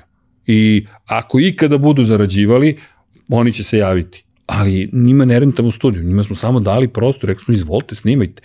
To je moje ubeđenje. Pazi, medijski tajkun, ima mogućnost nekom da dam. I to ti je poruka takođe širem društvu. Nije sve PNL. Zna, znam, doći će misliti, znaš daj mi PNL za obneob. Grohotom se smijem. Nema PNL-a za obneob. Nema. Zašto? Ja sam rekao da nema. Podvedi ga pod uh, corporate social responsibility. Mislim, vidi, uvijek možeš da izmisliš potpis za korporaciju zašto se nešto... Korporacije nisu nužno zle, loše ili bilo šta slično. Samo su zlupotrebljene često. Evo ja ću da ih upotrebim. Corporate Social Responsibility Infinity Lighthouse. Dali smo prostor i vreme Igoru Banjcu, Igoru Brakusu, izvinjam se, mada su oni sad spojeni i Smiljanu Banjcu. I to nije čak ni za hvalu, ja ovo sad pričam zato što moraš da znaš zbog biznisa kako stvari stoje. Da, žrtvovali smo dva sata svakog jutra, ali ah, baš me vrika. Mislim da je društvo bolje u toliko. Da ti ne govorim koliko ljudi je ušetalo kod nas u studiju koje smo mi upoznali ili si svideli nekih starih, ne starih kao starih, starih faca beogradskih ili srpskih ili hrvatskih ili bosanskih ili crnogorskih ili makedonskih ili slovačkih, da spomenem svaku državu, razumeš, planete, regiona našeg i da kažem ljudi, to su sve neki ljudi koji su, koji su, koji su pobeležili jedan period. Znaš, tebi dođe ekipa iz Sunshine i kao, nimam loš studio Pa naravno da nije loš. Mislim, znaš, ti se šališ, da se Sunshine ideš na koncert, zna se za dan zaljubljenih, gde ćeš ti Sunshine. Ne znam, mislim, tako neke stvari. I sad ništa ja njima ne znači, ne znam ni ko sam ja, ali meni je zabavno, da neki me Sunshine, da, pa nama je lepo, razumiješ, i sad, sad, i ti se sad zabavljaš. Šta hoću da ti kažem, apropo biznisa, nismo podredili biznisu, možda zato imamo i malo sreće sa nekim situacijama, pa nas se dešavaju neke lepe stvari, nemam pojma, možda je samo slučajnost, ali smo rentali studiju. Znaš, dođe fondacija, ne znam, ali Vlade Dijevac. Kako, tako, što? Poznaju nekoga od nas, pa pitaju li možemo kod vas da snimimo, možete, imamo neka sredstva ili nemamo sredstva ili šta god daje. Pa ne, znaš, nekim ljudima ni ne znaš da li da izdaš, izdaš, izdaš prostor ili ne. Pa im daš popust veliki. Znaš, ali opet, ti znaš kako idu kompanije, budžetirano nešto. Mora se potrošiti budžet. Dobro, ajde potrošite budžet. Bar evo, u dobre stvari. Znaš, imaš situacije da ne znam, uh, udruženje, na primjer, na koje nam je bilo udruženje takođe diabetičara Srbije došlo. I mi kažemo, ah, opet isto sa fondacijom, ajde vam ne naplatimo, budžetirano je, ok, ako je budžetirano, važi, platite. Jer svakako će morati da potroše taj novac, znaš kako ide sa, sa budžetiranjem. Yes, yes. I ja sam u fazonu, ok, srećan sam što ćete potrošiti na nas. Evo, pozdrav njima. Dakle, oni su došli i podržali što mi njih, što oni nas i to ti to. Sefi ništa ne naplaćujemo ne znam, studentima generalno ne naplaćam. Bila je neka ekipa koja je snimala za uh, obuku u Americi. To je bilo baš lep posao. Jednom mesečno, utorkom uveče, emituje se za njihovih 50 studenta u Americi, to je, to je live, zatvoreni live praktično. I ne baš su lepo plaćali jer kao američki budžet imaju. Ja kažem, uhu, pobeda! Na, to ti je, na primjer, bilo simpatično, ali to znaš da su kratkoročni poslovi. Tako da tu se ne osloniš da će to dugo da postoji, ali te održi, plivaš, a imamo goriva da, da, da, da plutamo i o, da dolaziš do momenta koji, apropo, ajde, rentanja, možeš da radiš, ali mi smo odbili da radimo, Možeš da rentaš opremu uvek. Mislim, ako hoćeš baš samo pare da zarađuješ, znaš i sam, možeš da uzmeš i kažeš, evo, rentam opremu, jedna noć XYZ GH eura, imaš četiri kamere na renti i ti možeš da imaš, otpustiš sve i imaš prihode. Znaš, mislim, ako ćemo PNL-ovima, svašta možeš da radiš, ali nije mi to želja cilj. Tako da kažem ti, to su neki izvori prihoda, da li se nešto zaboravio od izvora prihoda? Mislim da nisam. Na, kažem, reklame tamo podvedeš sve i svašta, za, za društvene mreže ponekad. Zvali su nas da realizujemo m, par stvari za van studija, to smo isto radili, to nije možda rentanje studija, nego rentanje produkcije, rad na produkciji, ne znam, ali smo radili live stream za jednu auto kompaniju, da sad ne imenujem, ne znam da li po ugovoru smijem da spominjem, ali smo radili primjer live stream, pa je to bilo super, zato što je live stream. E sad naravno, tu učiš trikove, live stream sve super izgleda, ali ti zaboraviš da su, preko YouTube-a išlo, išlo njihov stream, zatvoreni opet i ti šalješ full HD signal, evo trik za sve one koji žele na live-u da im bude bolja slika. Nemojte da šaljete full HD, šaljite ga u 2K ili ti 1440p, zato što će tako, tako ćete dobiti bolji kodek na YouTube. Jer YouTube će u suprotnom da vas ovde baci na onaj gaming kodek manje više, gde će on to sve da onako malo zamrlja jer suštinski vas on obara na, nemam pojma koliko, koju rezoluciju dalje, 470, 720, nešto tako. Nije čak ni to, ne kodek je, jao, kao da ti se, kao da su ti masne kamere, otprilike tako izgleda, i nismo znali kako to da rešim, kako to da rešim. Snimiš, pustiš, emituješ i podigneš na YouTube video, video kristalno čist. Radiš live, šalješ 1120, 1080p, ne valja povećaš frame-ove, povećaš ono, povećaš ovo, neće da radi.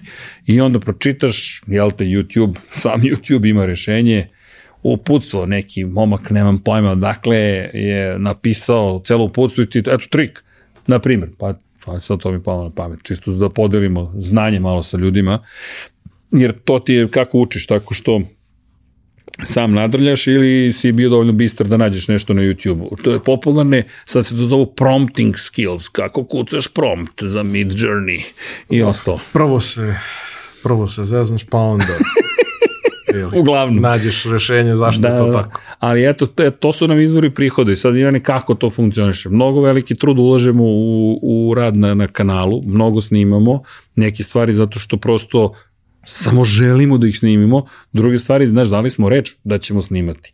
Mi smo sada, sada Lab 76 nije, nije moj, nije Pine, nije Dekiv, to je, svima pripada. Na ovaj ili onaj način, to nije floskula.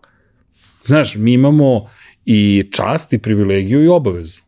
Znaš, mi smo rekli da ćemo utorkom u 9 uveče biti tamo. Moraš se pojaviš. Ne moraš ali onda ne radiš ono što si rekao da ćeš raditi. Dobro, da, vi imate to redovno obaveštenja, ako se nešto pomera iz bilo kog razloga. Veruj mi, to nam najmanje prije u životu. Kad odlažemo nešto, oh, svi smo nervozni kao leptiri, zato što smatramo da to nije poštovanje dogovora.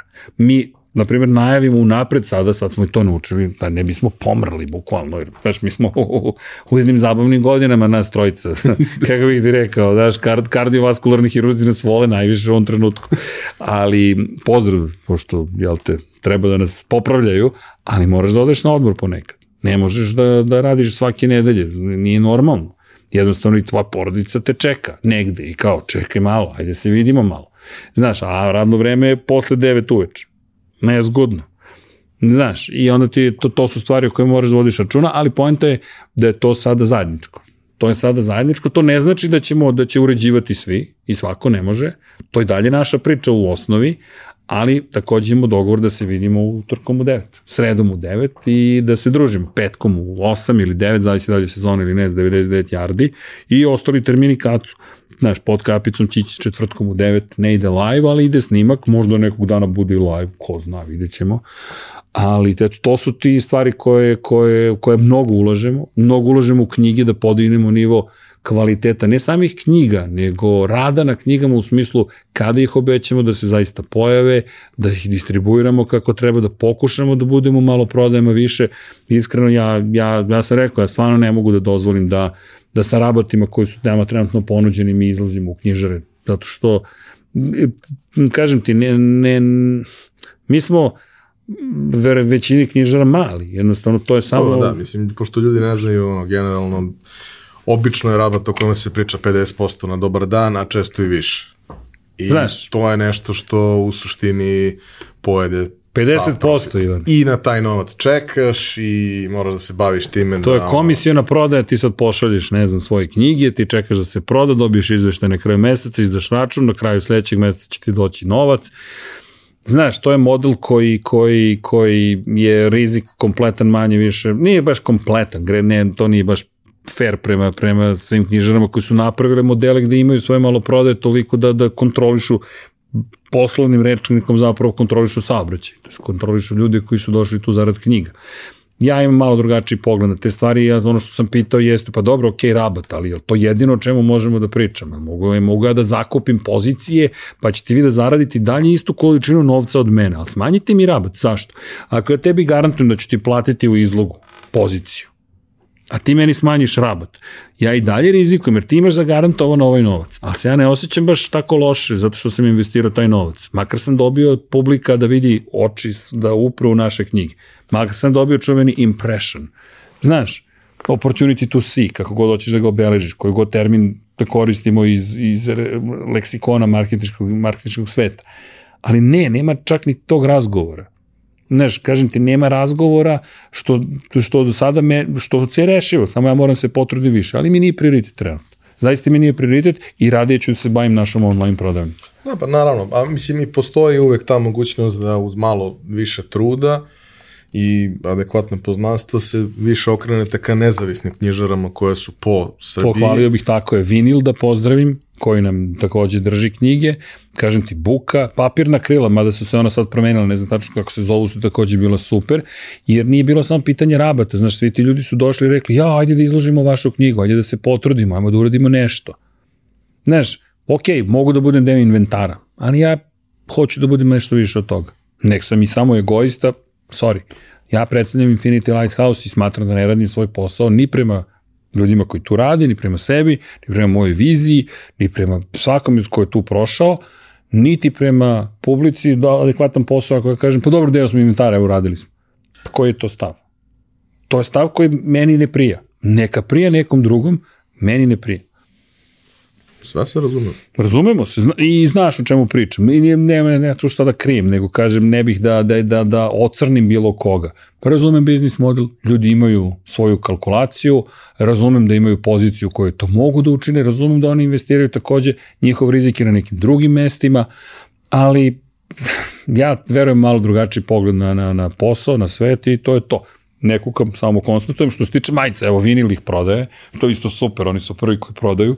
Tu hvala Ivanu Toškovu koji, koji u svojoj beskonačnoj nije, nije, to euforija, svojom beskonačnom entuzijazmu i dolazi Srki, imamo ovo ovde, imamo ovo ovde i tako dalje, i tako dalje.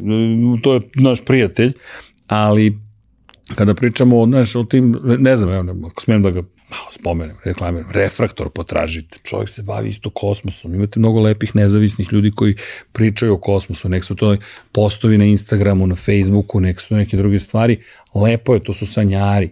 I to što ti kažeš, mali nezavisne priče, zašto, zašto, sve mora bude neka velika priča. Samo može da bude mala priča, možda je to njena veličina u svakom slučaju ja svakako nisam nikad išao, ja sam uvek, idemo Ivane, ceo galaksiju da osvajamo, znaš. Ali to sam ja, to takav sam, ne, ne, ni se pravdam, ni se ne pravdam. I sad, apropo, majice, na primjer, da, to je naš biznis model, znaš, majice. Ljudi kupuju majice, dukseve, ne, mi smo duševni kad sretnemo ljudi. Evo idemo na piće, zašto? Što nosite majicu. Ne sa svakim, ne stigneš uvek, ali se pozdoriš, lep ti osjećaj. Znaš, A i tu sad imamo neke druge stvari koje moramo da rešamo. Kačkete proizvesti, onda, znaš, da li smo dovoljno veliki, da li nas shvataju ozbiljno, ne shvataju ozbiljno. To su standardne muke nečeg novog, nepoznatog. Sad se već i zna za nas, ali opet, ja pa koje su količine, pa je to zanimljivo, nije zanimljivo. Sad ti dok objasniš da tebi treba sedam različitih boja kačketa, zašto? Pa ne možeš da imaš samo crno-beli, moraš da imaš i crveno-beli, a moraš da imaš i naranđasti, a moraš da imaš i plavi, a moraš da imaš i zeleni, a gde ti je žuti, a, a gde je beli, razumiješ, ti onda dođeš i kažeš ok, i onda kažeš dajte napravite na crveni, e nemam crveni keper. Idi sad nabavi crveni keper. Dobro, treba da uvezem crveni keper. Naprimjer, da, samo ti govorim zašto, mode, zašto neke stvari nismo dalje širili, zato što smo došli do toga da znači, supply chain otprilike, a nemamo para da angažujemo sad sve te ljude koji bi po organizacijone šemi bile, bili tu potrebni. I za to ti treba baš sad već ozbiljan investitor, neko ko će da kaže, mislim ozbiljan. U Americi je bila neka mikroinvesticija, ovde je to ozbiljna investicija. Investicionim fondovima nismo zanimljivi, smatraju da moj model je potpuno pogrešan, da ne znam šta pričam, ali vidi, rezultati govore u suprotno tome. Kad će da dođe taj moment kada će neko kaže čekaj, vi ste ozbiljni, nemam pojma.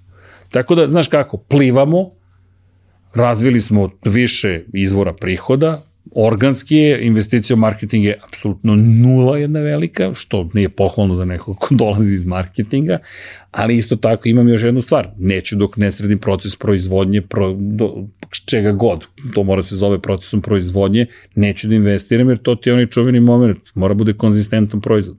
Mora da ljudi kad krenu nešto kako, nešto ti je ona čuvena priča o, o, o, o kako beše, ko je to radio? Svetsko naš, da. Se sećaš MVP-a? Da, da. Gde je pukao ceo biznis? Na distribuciji. Nije ih bilo u prodavnicama. Ti sad svi hoće da te kupe, ali tebe nema. Čemu marketing onda? Da bi se znalo za tebe. Ok, evo zna se za tebe. I to je bilo to. Ne pivo ne postoji više, ali u jednom momentu ti imaš koga su doveli, ono, Kolinu su doveli, mm. tako već, doveli čoveka, znaš, ti angažuješ estradne zvezde, to su milijunski ugovori, tvoj marketnički budžet je, je ravan ti papatinskoj pivari u tom trenutku, najvećem oglašivaču u toj kategoriji, a tebe nema u prodavnicama. Ovo, na kraju mislim da su se njima i, i prodali, odnosno fuzionisali yes, sa njim. Yes, yes. Ali ceo taj moment gde ti suštinski uzmeš da napraviš nešto, pa makar to bilo i po nekom standardu koji je svetski, evropski, kako god, i imaš situaciju da si napravio nešto što je po standardu, ali nije po lokalnom standardu. I nije po lokalnom to pride. ukusu. Dobro, to je, I to ljudi je sad, to je sad proizvod. drugo. Ali, ali, ali, sad, ali distribucija je inače pala. Nije, pa naravno, mislim, hiljadu mm. stvari tu ima koje su se desile, koje su zakomplikovale celu stvar, kao i što sa mnogim novim brendovima postoji da ti dođeš i kažeš nekome, znaš, kao, ono, italijanski espresso treba bude ovakvog ukusa, on kaže, ne sviđa mi se. A, da A nema šta da ti se sviđa ili ne sviđa, to je italijanski espresso. Ne sviđa mi se. I biznis ne postoji, jer se publici ne sviđa. Kao što, ono, ne znam, to je stara priča i stalno se ponavlja, ono, rakija od dunje, ako miriša na dunju, nema veze s dunjom, nije prošla pored nje, nije videla dunju na slici u proizvodnji, ali ljudi i dalje vole parfimisane rakije i to je to. Bez obzira što suštinski to što ti piješ ne funkcioniše tako. pa nije taj proizvod. I to je u redu. Mislim, u redu, vidi. Na, samo pitanje, znaš kako, to je, to je život tržišta. Vidi, to je razlog zašto nešto. rakija nije viski ili konjak. Pa... Zato što ne postoji standard. Da, da, i drugo, e, ali tu imaš zanimljivu priču, to mi je žao što zapravo, ajde, to, Billy Gold nam je bio u, u, u studiju, sa Jadrankom je snimio emisiju, međutim desilo se nešto posle, pa pravno čekamo jednog dana release da nam da, za, da smemo da emitujemo taj, taj ceo događaj, to je bilo još pre tri godine, dve, tri godine, da, pre dve godine, i on je tu pričao o svojoj rakiji. Da. Znaš, pričao o svojoj rakiji i kako je njemu zapravo, pazi sad njegov pogled, ovo je pogled čoveka koji dolazi iz Sjedinjenih američkih država i ne samo to, koji je u Fate No More-u bio mm. basista, znaš, koji je proživao jedan, jedan rock and roll život, koji kaže, mislim da grešite ako želite, to je njegovo mišljenje, ne, nemam formiran stav, da grešite ako želite da pravite rakiju da bude konjak ili viski. Zašto?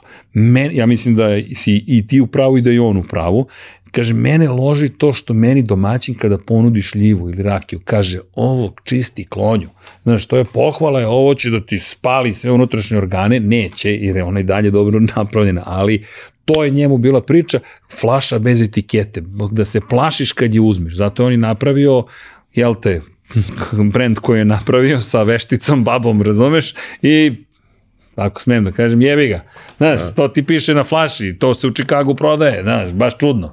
Ali, ali je pojenta da on čovek izvozi u Čikagu, Amerikanac koji ovde, ne znam, to očar kablar je posetio i napravi proizvodnju. Da, goč. Da, je, da, ne znam tačno gde je i napravi proizvodnju, ali pojenta je da je on, njegovo viđenje stvari je bilo, ne, vi treba da budete on drski, bezobrazni, da je to kad otvoriš, kažeš, šta je bre, da se uplače, kažeš, stvarno ovo da pijem.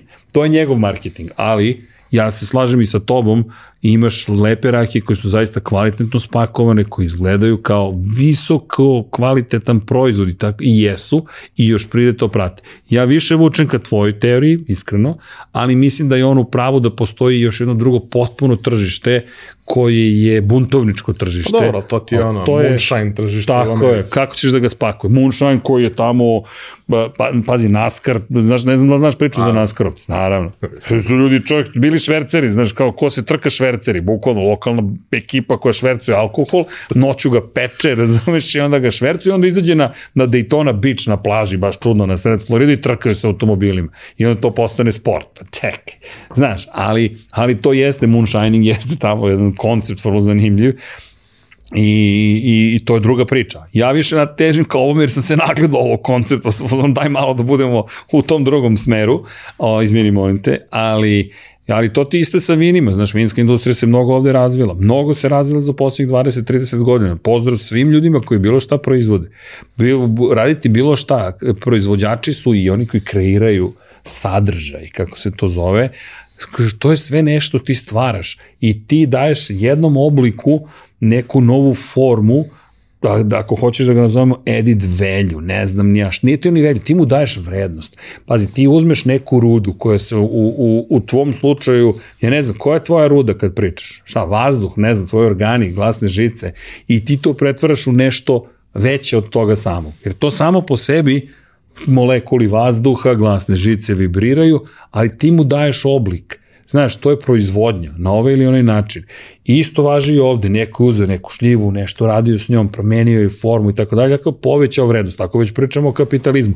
To je za mene PNL, a ne, imaš li PNL čoveče ili, ili znaš zašto taj čovek radi to što radi. Znaš, ljudi ovde, po, po, i ovo je meni bitno iz perspektive tog, tog priča o prihodima i, i kako ćemo da preživimo. Svi na kraju dana, svi startupi kako ćemo da preživimo, pa vodi računa o troškovima svakako, gledaj da baš ne potrošiš sve što ne moraš da potrošiš, gledaj da budeš dovitljiv, ne moraš da kupiš, šta je, svi sad treba da odete da kupite Aperture Lantern i da ga opalite na Bovens, jel te, mount, zato što ćete onda uzeti UL 150 Godox i imati fancy rasvetu kad se ovde uđe. Mislim, može. Ima ali, svakako. Ali. Ima, ne, ne, imaš ga negde, ali jel ti stvarno treba sad, eno, ta, ne, ne, ne. Ali jel ti to stvarno treba? Jel završava posao? Završava posao. Ok, tiz what it is. Osim ako nisi u biznisu gde moraš da impresioniraš kad ljudi ulaze, onda kad, oh, wow, šta je ovo, wow. I to isto ok. Pa znaš šta, ja mislim da je za, za pričanje priča jedan vrlo bitan deo ovaj, to da ne prepadneš gosta gosti koji vama dolaze su gosti koji su pre svega prisutni u medijima na ovaj ili onaj način i njima nije frka od reflektora. Ne. Gosti koji meni dolaze su obično to ljudi kojima je to prvi, drugi, treći put ili nulti put da nešto rade. I kada bi ovo bio studio kao vaš ili kao Galebov ili neki sličan, mnogo bi se teže opustili pored toliko reflektora, toliko ljudi, toliko svega. Može, Da nisam razmišljao Ali tome nije baš način, tako jednostavno. Ovako mi sedimo i pričamo. Ljudi znaš, ono, vrlo brzo izgube pojam o tome da su uopšte snimali. Ja volim da dođem kod vas, meni je, pa dobro, sad, ok, to je nešto drugo, ali ovde je mega zabavno i ti, ali to nisam razmišljao o tome, vidiš, to ti je zanimljiv pristup. Uopšte mi nije palo na pristup koji ima smisla sa tim kad hoćeš, naravno da ljudi pričaju nešto lično i intimno, i kad hoćeš da što pre probiješ tu neku barijeru koju, koju imaju svi ono, odbojnosti prema nekom deljenju svoje intime, a pričamo o ljudima koji nemaju pređašnje da, iskustvo. Da Nisu ranije to pričali. A treba da pričaju o svom životu. Znaš, ok, mislim, mi primarno pričamo o tvom poslu, tvojoj strasti i sve ostalo, ali Znam ispričali smo mi sve o tvom životu. Ali nije fair, znaš, porediti te situacije, ja sam u medijima aktivno. Znaš, Možda čak i previše. Možda, vidi, verovatno. Ali to nije fair. Znaš, znaš šta ja pamtim? Ja blogomaniju pamtim kao moment kad, kad se meni, ka, hvala ti još jednom na tome, ali ja sam svestan, ne, ozbiljno, ja stvarno zahvalan. Ali se sećam nečeg drugog, neću da spominjem imena, ali bilo ljudi koji su imali ogromnu tremu na bini. I gde sam shvatio da nije fair. Zašto? Ja živim na bini. Znaš, ja živim na bini. Sad ne, mislim, kao što znaju svi koji su bili tamo, a naročito ljudi koji su bili u organizaciji, ja sam preplako tvoje predavanje u režiji, Da, to su svi videli, jer Izvini. jebi ga, ovaj, to tako funkcioniše, to je ljubav Jeste. i to je to, ali mislim, sve ostalo, znaš, neprijatno je, neprijatno je na mnogo načina, nije prirodno, naročito ako pričaš nešto što nisi dovoljno uvežbo, nije, ne dolazi ti organski, nisi navikao da deliš te stvari. Znaš, ovde dođu ljudi, gotovo svi mi kažu kad završimo razgovor, čak i oni koji imaju neko pređašnje iskustvo mi kažu da su ispričali nešto što nigde nisu ispričali, nikom nisu rekli. To je neka vrednost koja je za mene važna. Mislim, meni je svakako važna priča, pre svega, onda Dobro, to. ali izvini, ti si neko ko to to stvara znaš- zajedno s tim ljudima, na, a da ti nije stalo, bilo bi pogrešno. Moje mišljenje. Naravno. Ali taj moment gde ono, postoji još jedna vrlo lična, intimna komponenta u svemu tome, taj moment je jako važan, barem meni. Pa, da, Br- slažem se s tobom, nisam razmišljao o tome. Ono što meni sad u celi, ono što, što sam ja htio kažem u ovom slučaju konkretno, da me ne stiš kao neku kritiku, ne znam nije šta, ja sam prihvatio, ja, ja sam gledajući šta ljudi rade, shvatio da ne moram da odem i da pokupujem sve najskuplje što postoji, niti je normalno, niti je potrebno, niti znaš šta ćeš sa time još. Doći će trenutak kad će ti zatrebati. I da je sve u redu. To je ono što je najvažnije, da je sve okej. Okay. Znaš, mnogo ljudi pati od toga, ja moram da kupim ovakav sto, onakav sto, mora da mi bude ovo ovako, mora. Ne mora. Apropo biznisa, kontroliši troškove, zašto? Budi iskren. Ljudi vole iskrenost. Dakle, budi iskren u toj svojoj ludosti na kraju.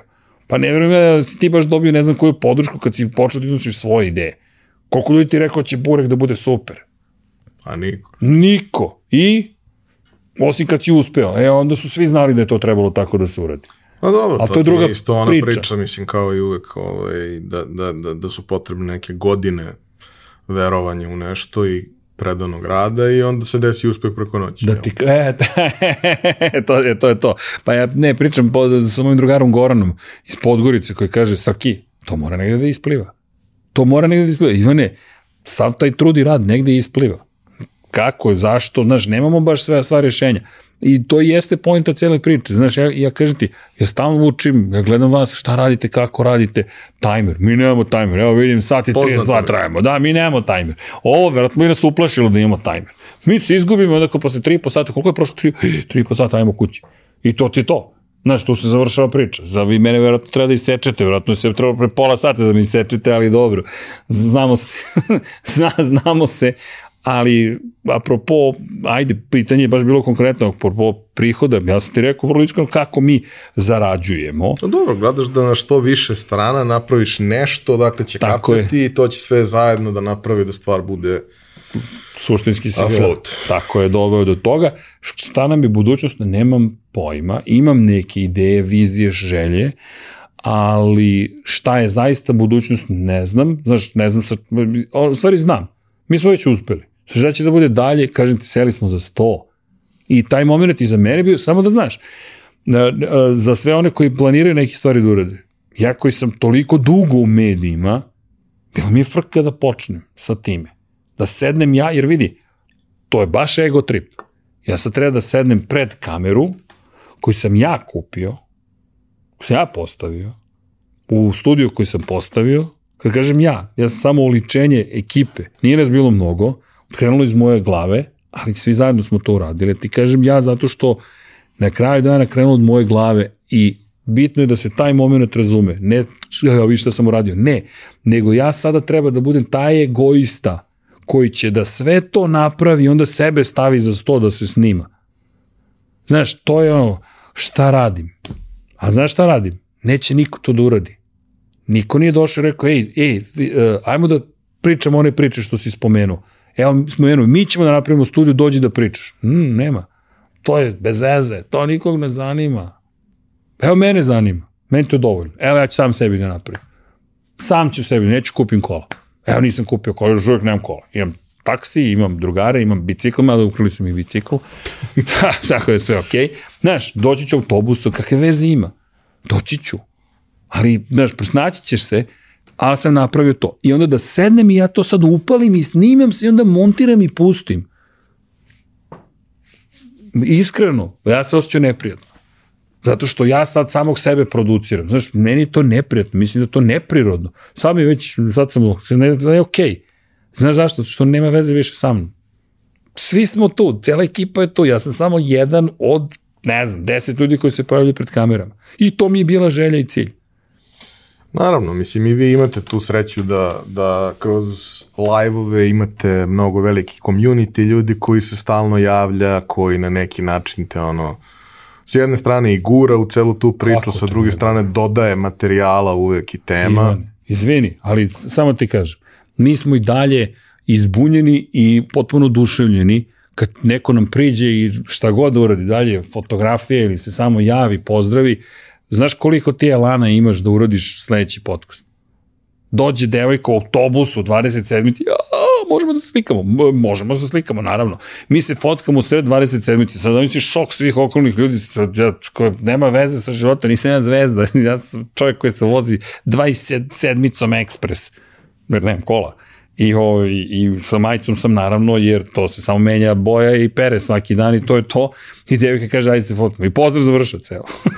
Nikolina beš, ja mislim, ne mogu, ne pamtim imena dobro. I, i sad ti si završio, ti si, šta, nisi završio ništa, ti si završio radni dan, radni dan, ja ga ni nemam, meni je svaki dan dan samo. I neko dete tamo predivno, veselo, pozdravite zajedno sa svojim drugarima. I šta sad? Znaš, kao neko me pita šta sad, pa ništa sad sa osmehom na lice kući i sa osmehom na lice u studio i kažeš uuu, hajmo da snimamo, što? Neko ti se obradovao, neko si ti obradovao. Ja nisam našao bolje motive. Novac da me pot... Vidi, kada budem milijarder, nećemo ni pričati o novcu, ću ti samo pričati o šašavim idejama.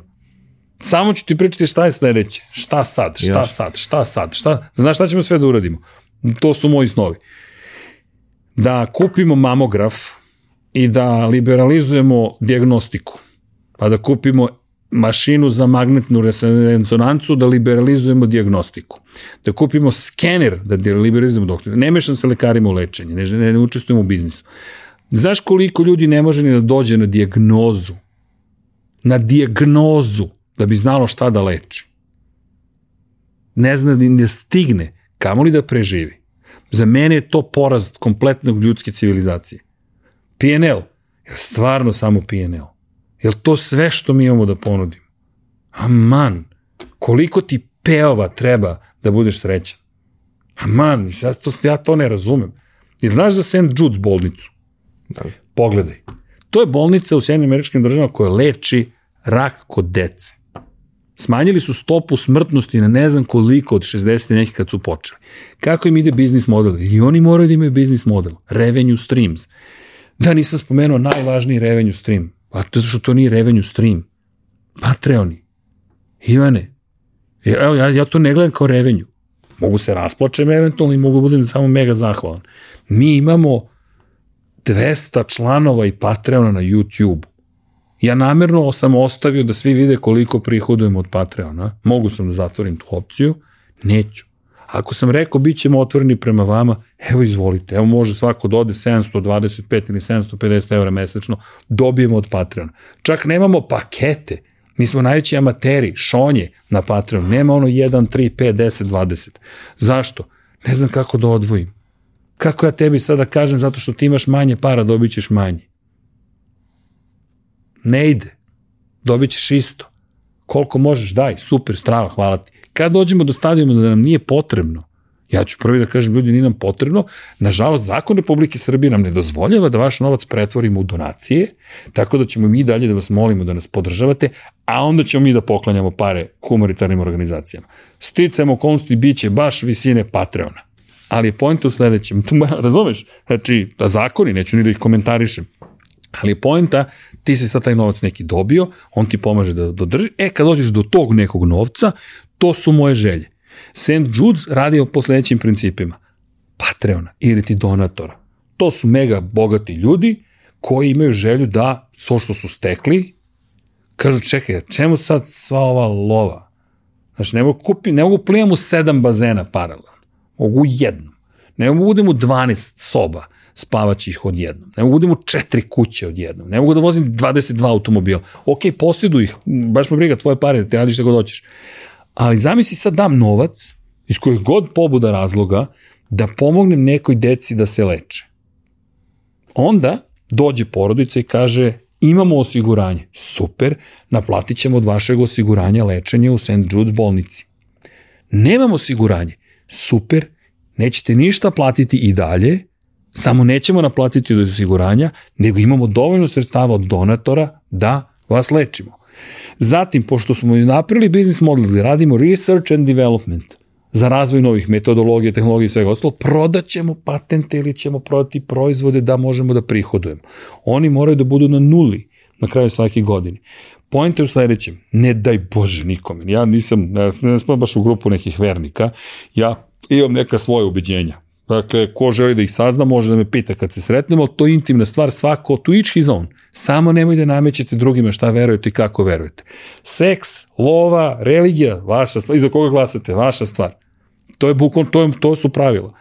I nadam se da niko nikada neće morati da prođe ni kroz što slično. Nažalost, prolaze ljudi kroz to. Zamisli samo koncept da ti možeš da pomogneš makar toliko da neko ne mora da čeka na skener šest meseci dok neka opaka bolest te izjeda. A možda da smo znali tog dana, bismo ti dali šansu da produžiš život, da ga živiš baš dugo, da izbegneš stres toga da li si bolestan ili nisi pa se razboliš od nečeg drugog od brige. Tvoja porodica, tvoji voljeni i tako dalje. Hoćete PNL? Halo, ajmo kapitalisti. PNL ne dolazi, daj mi PNL danas. Nego stvorite jedno bogato društvo, humano društvo i onda pije, pi, kako skače pi, da, skače jel, ali mnogo je veći taj profit. To nije socijalizam, to je kapitalizam. Samo razmislite da ljudsko biće vredi. Možete ga dodati kako god hoćete, ali ljudi vrede. Ako smo u kapitalizmu, evo, izmerite vrednost. Ja mislim da su švajcarci to izmerili, koliko im je jeftini da neko preživi, nego da nije produktivan član društva. Kako god. I, daj budemo samo humani. Sad zamisli, mi to napravimo. Ne, ne sam da se mešam ljudima u biznis koji su napravili klinike, bolnice i tako dalje. I njihove vizije, ja se nadam da su humani, da žele da pom pomažu društvu, ali imaju i PNL. E, ja želim da dođemo do toga, nek se leče kod vas, nema problem, a nemoj da čekaju hiljadu godina da ustanove šta im se dešava. Daj da liberalizujemo makar diagnostiku. Eto, to ti je jedna od mojih velikih želja. Nisam stigao još da uradim jednu bitnu stvar, da štampamo ruke za decu koje, nažalost, nemaju ruke ili noge koje su se rodila ili bez udova ili su ih izgubili. To mora da se pojeftini. I to neka ekipa s mašincama je rekla da radi, a, ima cela organizacija, ne znam kako se zovu, potražite ih, koja štampa ruke. To nije šala na 3D štampaču, ono što pojedete tu ruku, to je jednostavna ruka, nije to zamene za ruku kojom ti možeš da, ne znam, sviraš, radiš i tako dalje. Ali bar osnovne funkcije, da sklopi i otvori ruku. Drugo, ti možeš detetu da napraviš, to je DASA, ne znam, to sam na Channel 4 video iz Britanije radio, napraviš detetu superherojsku ruku. Wonder Woman, Superman, Batman, kakve veze ima. Znaš, da misli tu radost da podeliš. Da ne psujem, ali, znaš, PNL. E, evo ti ga PNL. I sad zamisli mi stvorimo tako nešto. Zamisli tek tu priču. Razumeš? Sad zamisli taj koncept razmišljanja odakle kreće. Zna, od nas. Zašto? Zato što sam ja tako rekao. Zna, koga ja to sada da čekam da to napravi? Koga čekam? Šta će s Marsa da dođe? Hoće Ford Prefect da dođe i da kaže, ej, aj napravimo. Neće. Nego dođe Srđan Erceg. Zašto? Ko je Srđan Erceg? Niko i ništa osim Srđan Ercega. To ti je maksimum, to ti je minimum. Ko si ti? To ono Batmanovski. Šta uradiš, to ti je. Nisam ja savršen, sam pun mana, znaš me, preke sam naravi, Uf. E, naljutim se brzo na neke ljude, neke stvari me izbaci iz takta, neprijatan sam kad, sam, kad, kad se iznerviram, e, strašno je šta mogu da izgovorim kada, kada smatram da je neko nepravičan, užas, katastrofa, sve što su proto svega ostalog što radim, to sam ja, ali u ovo verujem, ja to želim da uradim. Zatim, što se tiče posla, gde ćemo dalje investiram? A gde hoćeš? Gde hoćeš možeš se investira. Nisam I... siguran da li želim da postaneš milijarder ili ne. ne nisam ni ja, moram da ti priznam, nisam ni ja, ali vidi, bolje bi bilo, ja mislim.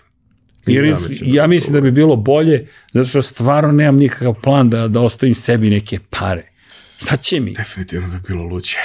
Šta ti je, zamisli šta možemo da napravimo, razumeš? Znaš koje patente da izmislimo, da stvaramo, znaš, da sredimo neke stvari. Znaš, mikro promene, to su jedine suštinske promene. Svi bi veliku jednu promenu. Ti si rekao suštinu. To se radi godinama. I da dođe uspeh preko noći. Znaš, probudiš se kao, o, mi uspeli smo. 1.45 Ivane, daj da gasimo, ja moram da prekidam. Ša, juče smo imali bizarnu scenu, ajde da ne imenujem. Kolega naš, jedan voditelj je ovaj, počeo da vređa svog gosta i mi smo bili u šoku i na gost na kraju rekao, ovo je bilo to i to izdanje te i te emisije. Ćao. Dobro, Bizarne mi imali, scene. mi smo imali unapred dogovorenu tuču u podcastu, tako da to Stvarno? je baš bilo ne u pojačalu dok smo radili sa Zvezdom podcast. Je baš bilo onako. Nisam ispratio, izvinjam se, ja sam ipak tu malo tako. Na Dozet i Rakočević su se dogovorili uh, da se njih dvojica potuku oko Iron Maidena. To, to je dobra tema za tuču. Šta su diskutovali? Uh, Bruce Pa Dickinson ili Paul Diano? Ovi tvoji seljaci. znaš. I onda je O, bilo... vidi. A ja koji to gledam i kao... Dobro, okej. A nisam znao ništa, zaista nisam znao ništa, što se i vidi po, po faci. Tak, to moram da vidim, kako sam to propustio. Pa kako si reagovao? Pa nikako. Taš, dva ludaka. Niš si sedao i ono, kao, Pa dobro. evo redu. A, šta mi je ovo trebalo? Kliknite like, share and subscribe. Ja manje više uvek sedim tako i pitam se šta mi je trebalo. Znaš šta? Zato što to voliš. I imam potrebu da čujem te neke stvari.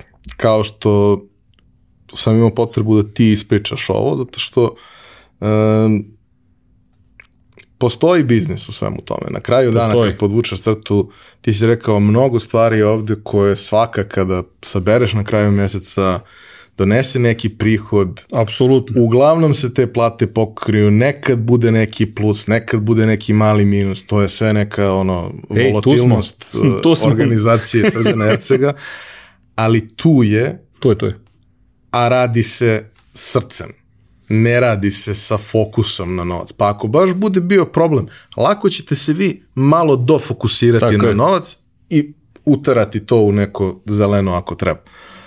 Ali je bitno da je srcem došlo ovde, jer onda je mnogo lakše da ti proceniš ovog meseca i kažeš ok, nećemo se refokusirati, ja ću dodati, ili ok, ajde napravit ćemo malo akciju pa ćemo pogurati neke stvari To je da to. bismo napravili nešto, ili ćemo napraviti neki malo ozbiljniji plan za naredni period, pa ćemo dovući malo atraktivniji gostiju da bi privukli još malo pažnje, nešto slično. Ovaj, ali suština jeste da ono, svako ko zna šta ti radiš i kako to radiš, zna da je to sve iz srca. Vidi, veruj mi jeste. I dobro i loše, sve je odatle. Mislim, normalna osoba svakako ne bi radila stvari koje ti radiš. Hvala. Da li, ne, šalu na stranu ne bi. Ne bi, ako pogledaš ovo racionalno, ne, to nije zasnovano na, na racionalnom pristupu. Daleko od toga da nema, što kažu, method in madness. To je, postoji metoda, ali kada sednem i sam procenim da me pitaš sa strane kao konsultanta, ja bih rekao, hu, kung fu. Dobro, ali, znaš, ta količina posvećenosti i ljubavi koju je vas nekoliko unelo, ajde da kažem, pre svega u, u, u MotoGP, ovaj, je napravilo drastičnu razliku da je MotoGP važna stvar ovde. Dok je na gomili drugih mesta nešto obskurno što, ok, postoji, ljudi se takmiče, ali u principu nema više ni jednog od četiri vanzemaljca koga briga šta se dešava. Znaš, mislim, moj stav je donekle to. Jer ja ne mogu da stignem sve da ispratim i naravno da ću posle svake trke da pogledam raspored i sve i znam ja desetak vozača od koliko ih Jasno ima sad, sve. znam ih. Ali ovi moji su u penziji. Jasno. Dok ne dođu novi. Dok ne dođu novi ne koji će, u koje ćemo se zaljubiti. A mi šta radimo? Čuvamo. Pa čuvate, pričate, znaš, ti si meni pre 8 godina pričao o Fabio Quartararu koji je tad imao koliko, 15 godina. Da. I I evo ga, tu je. Ali gde sećaš, Fabio, mi smo tada imali intervju sa njim. sećam se svega. Sećam Fabio. se svih intervjua, sećam se svake scene. Znaš, Lepa a, a ja sam avantura. bio samo na jednoj trci. Lepa, to je baš lepa avantura bila. Ta cela vo, vožnja, nisu svi delovi možda bili najlepši, ali ovaj kombi malo, ali dobro, ali generalno, ali dalje, znaš, kao, kao i sve u životu, pamtiš lepe stvari. On baš, baš je bilo lepo. Vidi, da nije bilo toga, ja se nikad ne bih zaljubio u Barcelonu. Ne, stvarno, pa nisam da. znao za to. Pa to je divno. A ima taj jedan moment, ovaj, uh, ja sam izvrnuo skočen zlob na putu ka tamo, u San Remo, ja mislim, ili u Monaku. Ovaj, I nisam baš mogao da špartam koliko ste vi mogli po gradu. I vi ste mene ostavili u parku ispred Sagrada Familije. I ja sam sedeo u parku i čukao na laptopu jer sam hvatao Wi-Fi iz McDonald'sa, gledao u Sagradu i u jednom trenutku sam video da postoje tu neke ptičice i nešto, ali nisam obraćao pažnju. U jednom trenutku je dunuo vetar i mene izuzetno jako zapahnuo miris uh, pomoranđi. Ja sam skapirao da, su, da je svo drveće oko mene drveće pomoranđi, a onda sam skapirao da ptičice koje lete i koje su sletele tu oko mene i nešto kljuckaju i sve, nisu vrapci, nego su papagaji. I sad ja sedim i gledam on, onu, da kažem, ono jezerce, ceo park i sagradu i kao, jel postoji savršenije mesto na svetu od toga? Ako moraš negde da budeš kilav sa izvrnutim zglobom, to je najlepše mesto na svetu da budeš kilav sa izvrnutim zglobom. I kao, kako je Gaudija pregazio tramvaj ili kola ili kako već. Pa, brate, video je. Znaš, nije postojalo još, ali on je video. Tako. Da, ali to je to, baš si lepo rekao, on je video. I to, to, ili imaš ti vizije? Nažalost. Da, okej. Okay. Ne, zato što pričao sam s ljudima koji, koji, takođe imaju neke vizije i kažu ne vide ne vide stvari na taj način, ne vide slike, nego vide brojeve ili tabele ili pisme ili reči, ili ne vide slike. To me samo zanimalo. Mm, često je to sinestezija, često je to Znaš, često to nešto što triggeruje jedno čulo, onda se pretvori u nešto potpuno deseto. I moram da priznam da jedna od stvari koje najčešće triggeruje i najjače triggeruje miris. Stvarno. Znaš, kada osjetiš miris nečega, to te vrati potpuno. 20 godina unazad sve je tu i bukvalno na ono, 30 sekundi si u toj 90. Da, da, znam na što misliš. Imamo Burazer, ja te neke uspomene na neku hranu. Igrali smo, ne znam, kako se zvaše ta igrica, Red Bre, crveni ili zelene beretke, ne znam, platonska i znam da je mama pravila neki, neki, nije, neka peciva listnata testa neka i taj miris tih specifičnih listnatih testa. Ako sad bilo gde osetim, ja gledam i vidim zelene beretke, kako, bukvalno to mi je sad da. zanimljivo. Da. Ili, ne znam, ono, šećer u prahu i krofne koje te vraćaju u budvu, jer ne da je drugo. Ne, Mislim, to, da, naravno, naravno, ne, ne, sve jasno kao dan. Ali to ti je taj, ono, neki moment. meni su šampite Politehnička akademija tamo iza. Bukvalno, to je to. Je to. I znaš šta imam još? Kada ide Alice Cooper, ceo, ceo njegov onaj album. Da, da, da, i muzika generalno. Muzika, da, Alice Cooper, seti se Police Questa 3, jer smo igrali Police Quest i ubi smo se, nismo mogli da pređemo neki, nijemo ne otkrivamo šta nam nedostaje, a, e, a Alice Cooper ide This maniacs in love with you, ta pesma pogotovo, kako me, samo me okine i, i seća se gepeka koji je otvoren i mi nešto kucamo, znaš, nije ni bilo point and click, uradi ovo, klikni ovo, otvori ovo, zapiši ono, da li, da, je bio trojka, ne mogu da se, neki Police Quest, prvi, drugi i Space Quest trojka, to je bilo, oh. ali dobro.